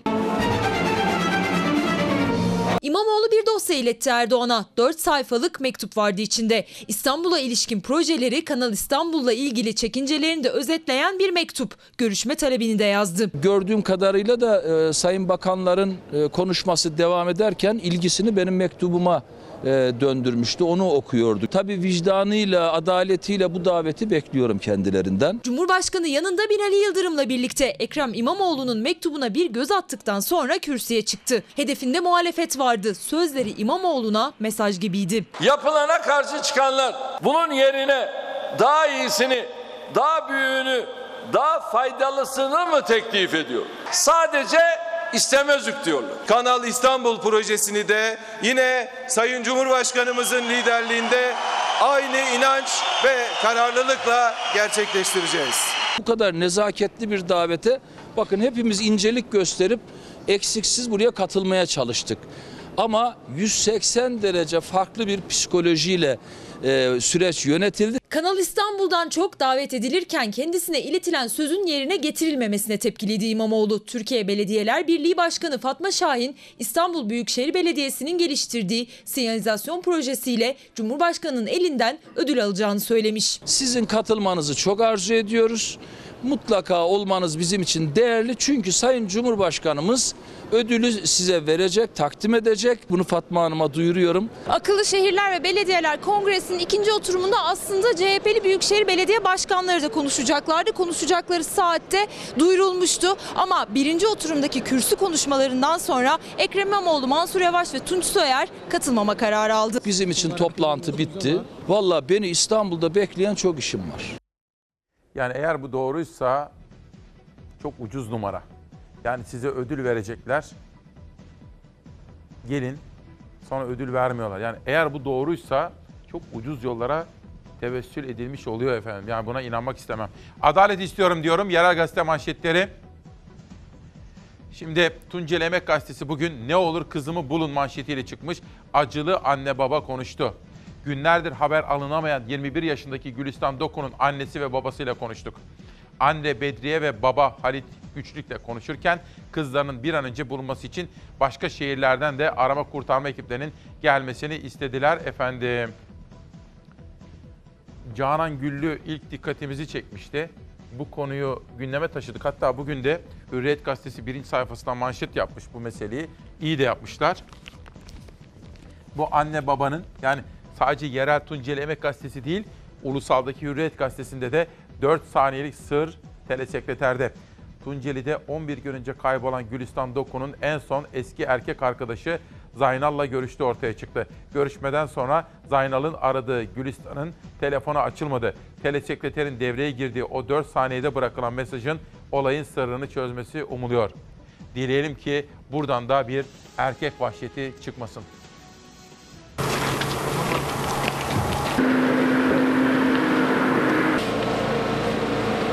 Anne babası Gülistan için çevre illerden destek ekip talep etti. Doku ailesi kızlarının bir an önce bulunmasını istiyor. Öte yandan Gülistan'ın güvenlik kamerası görüntülerine ulaşıldı. Tüm Türkiye günlerdir kayıp Gülistan'dan gelecek iyi haberi bekliyor. Arama kurtarma faaliyetlerinde 10. gün geride kaldı. Genç kızın odasında intihar mektubu bulunduğu iddia edilmişti. O iddiaları kuzeni yalanladı. Arkadaşlar onu görünce e, onlar da ister istemez gülümsediler. Hani e, dediler bu biz sürekli birbirimize şaka yaparız. Hani bu not geçen yıla ait bir not dedi. Munzur Üniversitesi Tunceli Çocuk Gelişimi Bölümü 2. sınıf öğrencisiydi Gülistan Doku. Son olarak 5 Ocak pazar günü Uzunçayır Baraj Gölü çevresinde görüldü. İddiaya göre yanında erkek arkadaşı Zaynal Aborok vardı. Ekipler Gülistan'ın suya düşmüş olabileceği ihtimaline karşılık sualtı araması yaptı Baraj Gölü'nde. 21 yaşındaki genç kızın anne babası ise Tunceli Emek Gazetesi'ne konuştu. Anne Bedriye Doku kızıyla kaybolmadan birkaç gün önce konuştuğunu, sesinin normal olduğunu aktardı. Baba Halit Doku ise arama kurtarma ekiplerine çevre illerden destek talep etti. Gülistan'ın ortaya çıkan güvenlik kamerası görüntülerinde ise dolmuşa bindiği görülüyor. Bir diğer görüntüde ise 21 yaşındaki üniversite öğrencisi Sarı Saltuk Viyadüğü'nde ve Dinar Köprüsü üzerinde tek başına bekliyor. Sırra kadem basan Gülistan'ın akıbetiyle ilgili detaylı soruşturma devam ediyor. Bu da bizim dikkatle yakından takip ettiğimiz, iyi haber beklediğimiz bir gelişme takibimiz sürecek. Bu arada efendim sabah erken saatlerde söyledik ama bir kere daha tekrar edelim. Mısır'ın Anadolu Ajansı'na baskın düzenlettirmesi, dört meslektaşımızı gözaltına aldırması kabul edilebilir bir şey değildir. O da yine takip ettiğimiz bir gelişmedir. Anadolu Ajansı'na da buradan geçmiş olsun dileklerinde bulunmak isterim. Tufan Türenç, deneyimli bir gazeteci. Tufan Türenç ile Erhan Akyıldız'ın gazeteci Abdi İpekçi isimli kitabı bu sabah İsmail Küçükkaya Çalar Saat'te ve Doktor öğretim üyesi Lütfi Özdemir'in editörlüğünde Profesör Doktor Mert Ülgen, Profesör Doktor Mehmet Okta ve Doktor öğretim üyesi Neşe Çakır'ın çevirileriyle grafik sanatlar için kimya özel bir çalışma. Bana da içinde bir mektupla birlikte bu kitabı yollamışlar. Bu defa Tunceli Emek'ten geldim. Bursa'dayım. Dengemizi bozacak. Burası Gemlik. Kimya Mühendisleri Odası Bursa Şube Başkanı Rengin Demiröz, Gemlik Körfezi'ne kimyasal madde üretimi için kurması planlanan derin deniz deşarj ünitesi ile ilgili ekolojiyi bozacak, tarımı etkileyecek, deniz ve doğa turizminde de olumsuzluklara neden olacak dedi. Bu önemli çevre konusundaki haberi de İsmail Arslan yazmış. Biz de bunu takip listemize alalım efendim. Oradan Akdeniz'e geçiyorum. Mersin, İtalya'dan 3000 ton çöp mü geldi şeklinde bir haber. Kılıçdaroğlu'nun bu konuda bir konuşması vardı. Sabah editörüm Zeray'dan rica ettim. O sesi sizler için buldu. Türkiye diyor, Kılıçdaroğlu da bunu söylüyor. Mersin gazetesi de Mersin'e plastikler gelmiş efendim. Türkiye başka ülkelerin plastiğini para vererek buraya mı getiriyor? Bir dakikada Türkiye Cumhuriyeti saray hükümetinin, saray hükümetinin bir dakikada ödediği faiz 35.120 dolar. Bir dakikada 35.120 dolar ödüyor. Bir günde 50 milyon 573 bin 302 dolar ödüyor. Bir yılda 16 milyar 891 milyon 483 bin dolar faiz ödüyor Türkiye Cumhuriyeti Devleti Londra'daki bir avuç tefeciye. Bunu da herkesin bilmesi lazım. Elbette alın teri var. Elbette çalışıyoruz. Elbette üretmek zorundayız. Saman ithal eden bir ülke haline geldik. Şimdi yurt dışından çöp ithal ediyoruz. Allah aşkına. Niye çöp ithal ediyoruz? Elinoğlu çöpünü nereye göndereyim? Türkiye'ye göndereyim diyor.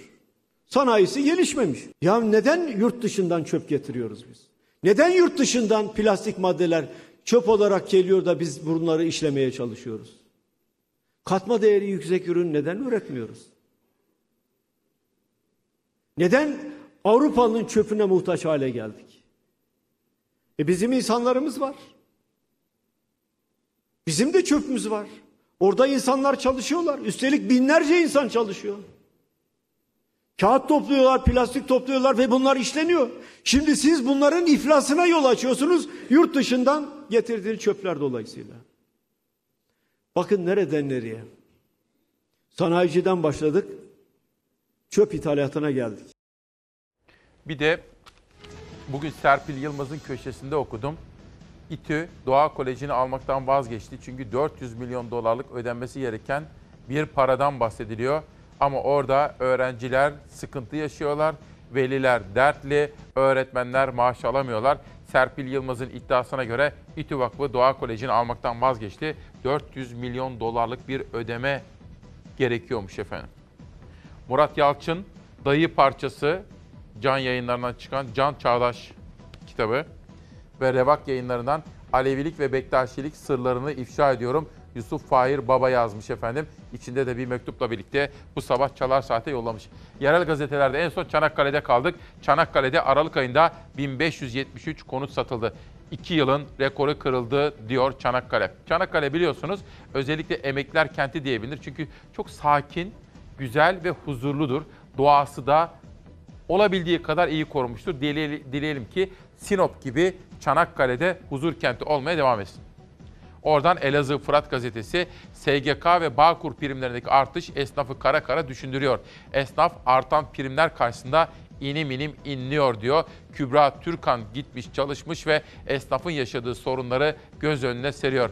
Sadece Elazığ'da değil efendim.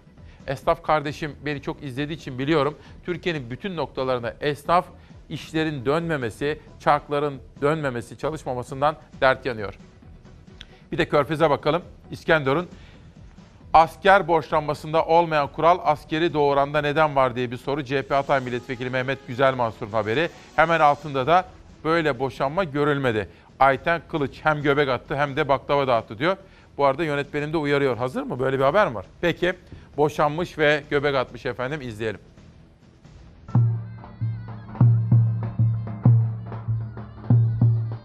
Davul zurna eşliğinde halay çekti, baklava ve kuru pasta dağıttı. Altı çocuk annesi Ayten Kılıç eşinden boşanmasını adliye önünde böyle kutladı. Çok çektim. Kurtulduğuma seviniyorum. Hatay'ın Antakya ilçesinde yaşayan Ayten Kılıç'ın evliliği iki ay sürdü. Şiddetli geçimsizlik gerekçesiyle görülen boşanma davası bir buçuk yıl sonra sonuçlandı. Hakim çifti boşadı. Duruşma sonrası Ayten Kılıç kararı dans ederek halay çekerek kutladı. Boşandığım için aşırı bir şekilde çekiyordum. Ondan kurtulduğum için. Kızlık soyadıma kavuştuğum için. Adak adadım. Yeter ki kurtulayım ben ondan tatlı dağıtacağım. Davul zurna çaldırtacağım. Ve bunu gerçekleştirdim Allah'a şükür. Boşanırsam tatlı dağıtacağım diyerek adak adadığını ifade eden Kılıç sözünü tuttu. Vatandaşlara baklava, kuru pasta ve içecek ikram etti. Ya sanırsınız ki düğün töreni ama İskenderun boşanma. Ve Senaka Yankı isimli kitabıyla burada ekonomiye dair bir manşet var Deutsche Welle'den. Yüreğime yaslan çocuk diyor Özlem Zeren Türk efendim. Bugün de 16 kitabı, kitabı tanıtma imkanı buldum sizlere. Deutsche Welle'den bir alıntı manşet. Türkiye'de batık krediler son bir yılda %41 arttı. Batan kredi miktarı 142 milyar liraya ulaştı. Geçen yıl 114.977 esnaf iflas bayrağını çekti. Bakın bir senede 114 bin esnaf kardeşim, 115 bine çıkmış aslında, iflas etmiş. Son 9 yılın en yüksek rakamına ulaşan iflaslar 2018 yılına göre %8.2 artmış oldu diyor. Bu da ekonominin içinde bulunduğu genel durumu gözler önüne seriyor. Gecenin flash gelişmelerinden biriydi. ABD Başkanı Trump ve azil süreci en son gelişen olaylar. Amerika Başkanı Donald Trump hakkında başlatılan azil sürecinde dava taslağı senatoya gitti. Senatoda yargı sürecini takip edecek savcı vekilleri açıklandı. Trump'ın azil sürecinde son kararı çoğunluğu cumhuriyetçilerden oluşan senato verecek. Yargı sürecinin hafta başında gerçekleşmesi bekleniyor. This is the first impeachment where there's no crime. I say, tell me what I did, please. Trump'ın demokrat rakibi Joe Biden'ın Ukrayna hükümeti tarafından soruşturulmasını istemesiyle başlayan azil sürecinde son noktaya gelindi. Trump'ın azil gerekçesi olan görevini kötüye kullanmak ve kongrenin işleyişini engellemek maddeleri senatoya gitti. Trump azil sürecine yönelik maddelerin senatoya gitmesine sosyal medya hesabından yanıt verdi. Demokratlara hiçbir şey yapmayan demokratlar diye seslenen Trump, tüm süreç temsilciler meclisinde halledilmeliydi, senatoda değil dedi. Trump katıldığı bir programda hakkındaki azil soruşturmasını değerlendirdi. Her zaman olduğu gibi yine tüm sürecin sahte olduğu vurgusunu yaptı. Bence görevini kötüye kullanmak çok kötü bir tabir. Nancy Pelosi ve Adam Schiff gerçekten yozlaşmış insanlar. Kongrede dikilmişler, kendi uydurdukları tamamen sahte bir telefon konuşmasını tekrar edip duruyorlar. 2020 başkanlık seçimleri için gerçekleştirilen kamuoyu araştırmaları Trump'ın halkın desteğini artırdığı yönünde. Araştırmalar azil sürecinde Trump'a olan desteğin %6 arttığını gösteriyor. Dünyadaki en son gelişmeler bu haberi de Beyza Gözeyik hazırladı. Sağ olsun eline sağlık. Şimdi sabah birazcık hatırlattım size. Ceren Damar görevini yaparken bir öğrenciyi kopya çekerken yakaladı ve vahşice öldürüldü. Bugünkü etiketimiz yani 16 Ocak 2020 Perşembe İsmail Küçükkale Demokrasi Meydanı etiketini ben bir babadan aldım. Mustafa Damar'dan. Adalet istiyorum diyor. Adalet istiyorum diyorsunuz. Niye? İsmail Bey kızımızı kaybettik. Kızımız katledildi. Bu büyük bir acı. Bu katlanılabilecek, dayanılabilecek bir acı değil. Siz bir evlat yetiştiriyorsunuz. Canınızı, malınızı, mülkünüzü, her şeyinizi seferber ediyorsunuz. Ee, vatana, millete faydalı olsun diye yetiştiriyorsunuz, emek veriyorsunuz. Bir cani, vasıfsız, niteliksiz bir hırsız geliyor onu bu hayattan koparıyor, sizden alıp gidiyor. Bu yetmiyor. Bunun akabinde e, suç işlenmeye devam ediyor. Kurumlar buna destek oluyor. Çok somut olarak bir bölümünü paylaştım. İlave edeceğim hususlar var. Şimdi kurumlar destek oluyor demeyelim. Çünkü kurumlar suç işlenmesine destek olmazlar. Doğru. Ama kurumların ihmali söz konusu olabilir. Doğru. Biz de burada sizin sesinizi duyurmaya çalışıyoruz ki adalet arıyoruz. Şimdi olayı kısacık bir hatırlatmak istiyorum. Olay bir yıl önce meydana geliyor. Tam tarih ne? 2 Ocak 2019. Bir yıl önce. Evet bir yıl geçti. Dava gelecek hafta. 24 Ocak 2020'de. Nerede? 33. Ağır Ceza Mahkemesi Ankara Adliyesi. Bu katil zanlısı suçüstü yakalanıyor. Evet suçüstü. Nerede şimdi? Hapishanede. Hapishanede. Dava iki defa görüldü şu ana kadar. İki duruşma yapıldı. Bu üçüncü duruşma. Ne bekliyorsunuz? Adaletin hızlandırılmasını ve Ee, şimdi kızımızı kaybederek mağdur olduk. Kaybettikten sonra bir yıldır mağduriyetimiz katlanarak e, büyütüldü. Büyük acılar çektik, çekiyoruz. Psikolojik şiddete maruz kaldık. Tehdide maruz kaldık. Ama halen devam ediyoruz çekmeye. sizi tehdit mi ediyorlar? E, tabii ki Kim? avukatı tarafından medya aracılığıyla Ne diyor? yapıldı bunlar. Tehdit, nasıl Ee, tehdit ediyor? Ya bu baba diyor e, kızının kanı üzerinden e, siyasi rant elde etmek istiyor diyor. Bu baba diyor cinayet işlemeye meyilli diyor. Bu aile kötü aile diyor. Ya bundan daha net suçlamalar, bundan daha net iftira olur mu? Yani önce psikolojik şiddet uyguladı, yetmedi, tehdide başladı. Üçüncü aşamada eylem safhası. Herhalde beni ortadan kaldırmak istiyor. Niçin?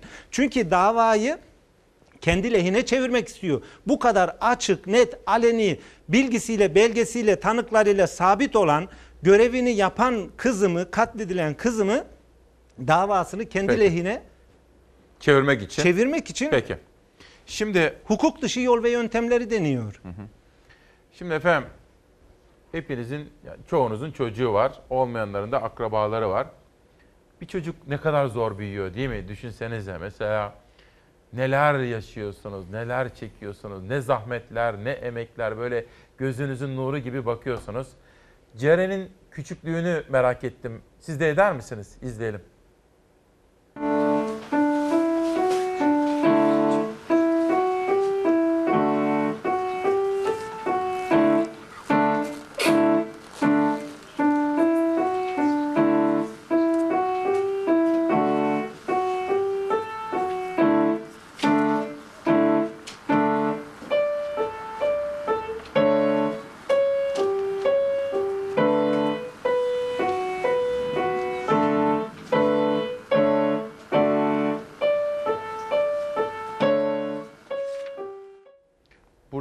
Kaç yaşında Ceren? 9 yaşında. Nerede 8, 9. o? Ee, Belçika, Brüksel'de e, bir müzik akademisinde piyano kursu almıştı. Orada e, piyano resitali. e, Ben bir- başka aslında TRT'nin o eskiden de çok izlerdik ya. TRT 23 Nisan Ulusal Evet. Egemenlik ve Çocuk Bayramlarımızda orada da videoları var yine. Evet. Ben hepsini böyle izledim. Siz ne iş yapıyorsunuz efendim? Ben eğitimciyim. Eğitimcisiniz. Evet. O zaman Brüksel'de görevli miydiniz? Evet, görevliyim. Peki. Şimdi kızımız da bu. Şimdi bütün Türkiye bizi izliyor. Bu bir klişe değil. Ve sizin söylediğiniz her şey işte Adalet Bakanlığı'ndan HSK'ya, mahkemelere, halkımıza, herkese gidecek. Kaygınız ne efendim sizin? Onu net olarak söyleyin. Efendim şimdi ben açıkçası kızım katledilene kadar adliyenin yolunu bilmeyen birisiydim. Bizim e, polisle, e, yargıyla hiçbir işimiz olmadı. Bilen birisi değildim. Ama bu kızımın katledildikten sonra mecburen bu işin içine girmek zorunda kaldım. Ve üzülerek belirteyim, e, eğitimci olmama rağmen, bu ülkenin sorunlarını takip eden bir insan olmama rağmen maalesef e, birçok konuya vakıf olmadığımı gördüm. En basitini sizinle paylaşayım. Türk Ceza Kanunu'nda idam cezası yok. Ağırlaştırılmış müebbet hapis cezası var. Böyle bir ceza da yok İsmail Bey. Pratikte fiilen yok ağırlaştırılmış müebbet hapis cezası diye bir şey yok. Müebbet denilen şey ömür boyu demektir. Şimdi mahkeme heyeti karar veriyor. Müebbet hapis, ağırlaştırılmış müebbet hapis cezası. E olmayan bir cezaya karar veriyor. Fiiliyatı nedir ağırlaştırılmış müebbet hapis cezasının? 30 yıldır. E o zaman bana 30 yılda ben ben yani aldatılıyor muyum? 30 yılda. Şimdi düşünün Kırıkkale'de 82 milyonun gözü önünde Emine Bulut kesildi, katledildi. Aldığı müebbet hapis cezası. Yatacağı süre ne kadar? 18 yıl bile değil. Suçluyu koruyan mevzuatımız var. Öyle Açık mi? ve net söylüyorum. Kanunlarda eksiklik var mı? Kesinlikle var. Peki. Yani ben idam olsun olmasın tartışmasına girmek istemiyorum ama siz yasaya yazmışsınız müebbet hapis cezası diye uygulamıyorsunuz. Pratiği başka bir şey. O zaman müebbet yazıyorsa müebbet çeşit. Tabii ki yani beni kandırma. Mahkeme heyeti orada veriyor ağırlaştırılmış müebbet. Bel, nedir müebbet hepimizin bildiği şey. Son ömür boyu kalması Mesela gerekiyor. bu kişi kaç yıl yatacak? 30 yıl. 30 yıl İsmail Bey. Benim kızımın yaşı 27 idi. Ki aralarda Yani- af maf çıkarsa Ta- ayrı. Tabii ki 27 yıldır nedir? Bir yılına bir yıl mı sen biçiyorsun? Benim kızım o kadar eğitimliydi ki Belçika'da öğrenim gördü, İsviçre'de öğrenim gördü ve bu ülkenin gençlerine hizmet edecekti. Bir bilim kadını adayı idi. Neden Ne- öldürüldü? Ne diyorsunuz? Neden öldürüldü? Yorumunuz ne? Sebebi şu. e, maalesef toplumda e, liyakatsiz insanların bir yere gelmesi ve herkesin her şeyi kendine hak görmesi. Önüne çıkan engelleri de her şeyi hak e, yani niteliği olsun olmasın her şeyi kendine hak görüyor. Önüne çıkan engelleri de buldozer gibi eziyor. İşte kızımın da maalesef görevini yapmış olması hesabı ile sen nasıl engel olursun benim kopya çekmeme diyerek kızımı katletti. Devam ediyorum yine suçluyu koruyoruz maalesef. Örnek veriyorum kızım şu anda hayatta değil. Kendini savunabilir mi? Savunamaz. Konuşamaz. Hakkını arayamaz. Ne yapılıyor? Kızımın e, ölünün hatırasına hakaret ediliyor. İftila atılıyor. Namusuna dil uzat- uzatılıyor. Kızım nasıl cevap verecek? Veremez. Sadece bir kişiyi korumak için yapıyorlar bunu. indirim almak için, e, cezayı hafifletmek için yani düşünebiliyor musunuz bir avukat e, suçluyu savunacağı yerde suçu savunuyor. Yani meşru kılıyor, suçu meşru kılıyor ve tweetlerinde gördünüz siz öldürün diyor. Ben sizi meşru müdafadan gelin diyor. Meşru müdafadan ben sizi savunurum, çıkarırım diyor. Mantık bu. Mantık bu. Suçlu nasıl suçlular Mahkemenin tutumu nasıl efendim? Mahkeme efendim Yorumu. tarafsız. Türk adaletine biz güveniyoruz. Güzel. Türk adaletine Çok ben emniyetime de güveniyorum. Bu kurumlar iyi. benim kurumlarım. Bravo. Yani benim Çünkü binlerce emni- bizim şehidimiz Emniyetten var. hiç kimse de çıkıp bir katil, katili, katil zanlısını savunmaz. İsmail onu, Bey, onu savunacak bir şey yapamaz. Bizim binlerce şehidimiz var, binlerce gazimiz var. Onların yüzü suyu hürmetine biz bu ülkede yaşıyoruz, güvendeyiz. Ama bunların içerisinde var olan 3-5 tane çapulcuyu da temizlemek lazım. Ben kesinlikle bu benim, ben yurt dışında devletimi savundum, kurumlarımı savundum, halen de savunuyorum. Şöyle bir korkunuz mu var Buyurun. Mustafa Bey? Bu mahkemede işte gerek o avukatın yönlendirmeleri gerek işte eski işte anne baba eski polis diyorsanız Evet. biri FETÖ'den e, ihraç Evet, değil mi? FETÖ'den evet. ihraç mı? Evet. E, işte bir takım çabaları sonucunda adalet yerine gelmez gibi bir korkunuz mu var? E, tabii ki İsmail Bey. Hmm. Emniyet sürecinde yaşananlar beni o kadar korkuttu ki Hmm. o kadar yani düşünün sahte bilgi belge üretiliyor. Buna fırsat veriliyor. Bahsettiğim orada bulunan bazı kişiler tarafından. Örnek veriyorum. Kızım katledilmiş. Henüz daha bir saat geçmeden daha kızımın cenazesi okuldayken biz orada yanıp tutuşurken tüm öğrenciler, akademisyenler feryat figan ağlarken katilin annesi geliyor okulda bulunan katilin özel aracını alıp kaçırıyor. Ondan sonra da bir gün sonra da çıkıyor diyor ki ben araçta intihar mektubu buldum diyor. Ve bu intihar mektubu da büyük ihtimalle polislerin gözetiminde ya da polislerin izin vermesiyle yazılıyor. İntihar mektubu denilen şeyde maddi hatalar dolu. Yani önceden yazıldığı iddia edilen intihar mektubunun içerisinde isteyerek yapmadım gibi saçma sapan bir ifade var. Şimdi bunları gördükten sonra bir başka hususu e, ifade edeyim. Bir tanık, bir öğrenci bu katili kovalıyor hocaları yakalayın diye bağırınca. Bir buçuk kilometre okulun üniversitenin dışına kadar kovalıyor. İki el silahla durduruyor. Bu çocuğu gece polis arıyor diyor ki hadi e, keşif yapmaya gideceğiz olay yerine diyor. E, şuradan alın beni diyor çocuk. Araç geliyor polis aracı. İçinde katilin baba, babası da var. Bu silah da babanın silahı. Yani bu baskıdır. Tanığa baskıdır. E, Bir şey başka- sorabilir miyim? Nasıl savunuyorlar kendilerini efendim? Mesela çünkü şahit var. Tam da o bıçaklama anında da tanıklar var. Suçüstü var. işte suç mahallinde bulunan her şey ortada. Nasıl savunuyorlar? İsmail Bey savunulacak hiçbir şey yok. Bir tane tanık yok. Bir tane belge, somut e, bilgi belge yok. Sadece e, laf olarak lak lak yaparak üretilmiş bir e, iftira var. O kadar ilişkimiz vardı. İlişkin varsa bunu belgelendirsin. Buyurun Yüce Mahkeme burada. Elindeki somut delilleri koyarsın, ikna edersin. E, fotoğrafım, fo- mahkeme başkanı soruyor fotoğrafın var mı? Yok ben fotojenik değilim diyor katil. Bakın bu kadar pişkin yani. Şöyle mi efendim? Ben doğru mu anlıyorum? Şimdi bu vahşice cinayeti işliyor. Hani genelde avukatlar ama şöyle yap böyle yap diye akıl verirler ya. Evet. Şimdi acaba böyle bir şey mi var onu merak ediyorum. İşte yok diyor ilişkin var mı diyor.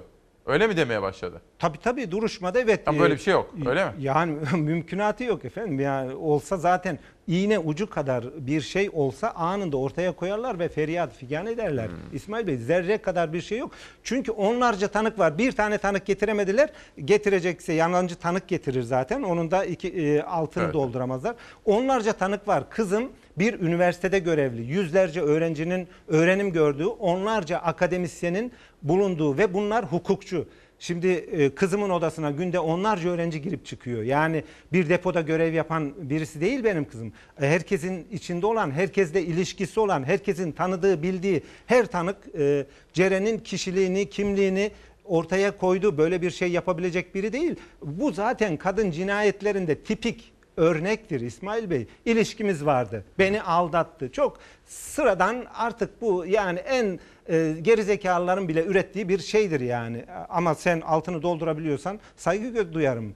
E, belgen yok, bilgin yok. Ama suçluları maalesef bizim mevzuatımız koruyor. Örneğin şüpheden sanık yararlanır diye bir kural var. Şüpheden sanık yararlanır. Benim davamda yok öyle bir Ama şey. burada şüphe yok. Yok zerre kadar yok ama korunuyor. Zaten korunup kollandığı için bu suça meyilli tipler de cesaret buluyor. Nasıl buluyor? Bakın e, öldürüyor kadını, öldürüyor bir insanı. Polis iki taraf koluna giriyor, emniyete götürüyor. Götürürken diyor ki öldürdüm diyor, babalar gibi yatar çıkarım diyor. Bu bir sosyal öğrenmedir. Bundan büyük tehlikeli bir ifade yoktur İsmail Bey. Bu şu demek, ben kahraman oldum bakın. Siz de yapabilirsiniz demek. Suça meyilli olanlara mesaj gönderiyor. Ve bu işin sonu gelmez. Bakın hayatın her alanında Ve her anında şiddet var. Herkes risk altında. Açık ve net söylüyorum. Kimse daha az Peki risk altında nasıl değil. önleyeceğiz? Onu söyleyin. Siz de bir eğitimcisiniz ya. Evet. Biz bu meseleyi çözmek zorundayız. Bakın bu kaçıncı? Özge Can, daha yeni Ceren Özdemir. Evet. Rabia Naz da buna dahil biliyor musunuz? Çocuğumuz. Evet. Biz bunu nasıl önleriz peki? Çok açık ve Lütfen. net söyleyeyim. Bunu bir emniyet teşkilatına yükleyemeyiz. Bunu tek başına yargıya yükleyemeyiz. Bunu tek başına eğitime yükleyemeyiz ya da başka yerlere yükleyemeyiz. Buna bütüncül yaklaşmamız gerekir. Tüm kurum kuruluşlar bütüncül olarak. Çünkü emniyet kendini kenara çekiyor. Diyor ki olay bittikten sonra ben e, vakıf oluyorum. Benim yapabileceğim bir şey yok diyor. Yargı kendini bir kenara çekiyor. Diyor ki oldu bitti öldü ben diyor. Ondan sonra dosya benim önüme geliyor. Benim hayır hayır. Herkesin bu suçlarda payı var. Niçin var? Yargı kararını verirken öyle karar vermeli ki bundan sonraki suç işlemeye meyillilere bakın görüyorsunuz gününüzü göstereceğim size. Affı yok bu işin. Tabii. Ceza cezasını çekersin diyecek değil mi? Caydırıcı Hmm. olması lazım. Ağırlaştırmış müebbet deyip de e, 18 ay yatıracaksan bu, bu caydırıcı olmaz. Bu caydırıcı olmaz. E, Onun dışında en önemli husus nedir biliyor musunuz? Sosyal öğrenme dediğimiz bir öğrenme yöntemi var. Kuşaktan kuşağa aktarıyoruz biz kadına bakış açısını, şiddeti nasıl aktarıyoruz? Kalıtımsal değil. Ama kalıtımsal Kültürel. kadar güçlü. Evet. Ne oluyor? Ben ailem, babamdan, annemden görüyorum. Neyi görüyorum? Psikolojik şiddeti görüyorum. Neyi görüyorum? Fiziksel şiddeti görüyorum. Çocuk nasıl öğreniyor? Gözlem yoluyla, taklit yoluyla, model alarak öğreniyor. Yani siz belki bilerek bilmeyerek işliyorsunuz şiddeti ailede. Çocuk işitiyor. Çocuk görüyor, gözlemliyor. Yeri zamanı geldiğinde de bunu kullanıyor. Annesinin yaptığını, ailede ailenin yaptığını çocuk kullanıyor. Böyle İşte hep söylüyoruz ya. Evde huzuru görecek çocuk. Evet. Babanın anneye saygı duyduğunu görecek ve öğrenecek. Evet. Kendisi de anneye babaya saygılı olacak o zaman. Evet. Ve eşe. Kesinlikle ve bu bu kuşaktan kuşağa, nesilden nesile aktarılan bunu biz kesemediğimiz müddetçe Peki. bu işi sonuçlandıramayız. Çok teşekkür ediyorum. Dava önümüzdeki hafta ne gün? 24 Ocak 2020 Cuma günü. 24 Ocak'ta. Mahkemeden sonra bizi de haberdar eder misiniz? Tabii Gelişmeleri memnuniyet, merak ediyorum. memnuniyet. Savaş bir klip buldu. Eskiden vermiştik aslında. İbrahim Kalın da var Cumhurbaşkanı'nın sözcüsü. Bir kızımızı Ceren Damar'a ağıt yakıyoruz. Canımız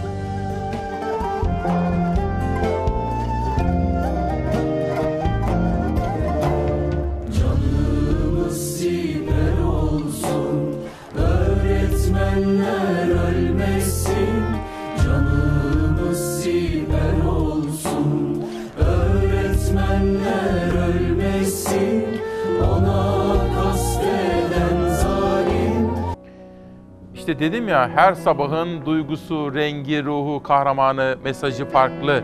Bu sabah acılı bir ailenin, acılı bir babanın sesini duyduk. Kızı için adalet istiyor. Adalet istiyorum dedik. İsmail Küçükkaya ile Demokrasi Meydanı'nda Zeray Kınacı editörüm. Hilal, Hilal senin soyadın neydi? Yeni soyadı. Yeni evlen de ondan. Hilal Orhun ve Savaş Yıldız yönetmen koltuğunda. Zafer Söken, Beyza Gözeyik ve Ezgi Gözeger, bütün ekip arkadaşlarım, kameralarda Yunus ve İsmail kardeşim, Nihal Kemaloğlu dışarıda beni asiste ediyor, destek oluyor. Ona ve bütün ekip arkadaşlarıma, rejideki, kurgu servisteki bütün arkadaşlarıma içtenlikle teşekkür ediyorum. Bu sabahı da kitaplarla kapatmak isterim. Emrah, Ece mi, Eke mi? Bozkır hikayeleri yazmış. Çok teşekkür ediyoruz Emrah Bey'e. Evrensel işaretleri okumak Emine Gardiyanoğlu. Tufan Türenç, Erhan Akyıldız, Abdi İpekçi'nin dramatik yaşam öyküsü gazeteci. Tozan Alkan'dan bir şiir. Sana ben ne tenhalar biriktirdim, ne tenhalar. İçimdeki yazdan kurutulmuş yapraklar gibi. Anıları sararmış resimlerin. Yağmur dursun durduğu yerde. Yağmur dursun. Sana ben sana ben ne yalnızlıklar biriktirdim, ne yalnızlıklar. Bir ağacın dalını, bir kedinin sesini. Çıkmaz sokaklar biriktirdim ben sana. Çıkmaz sokaklar. Evler biriktirdim. Çok odalı evler.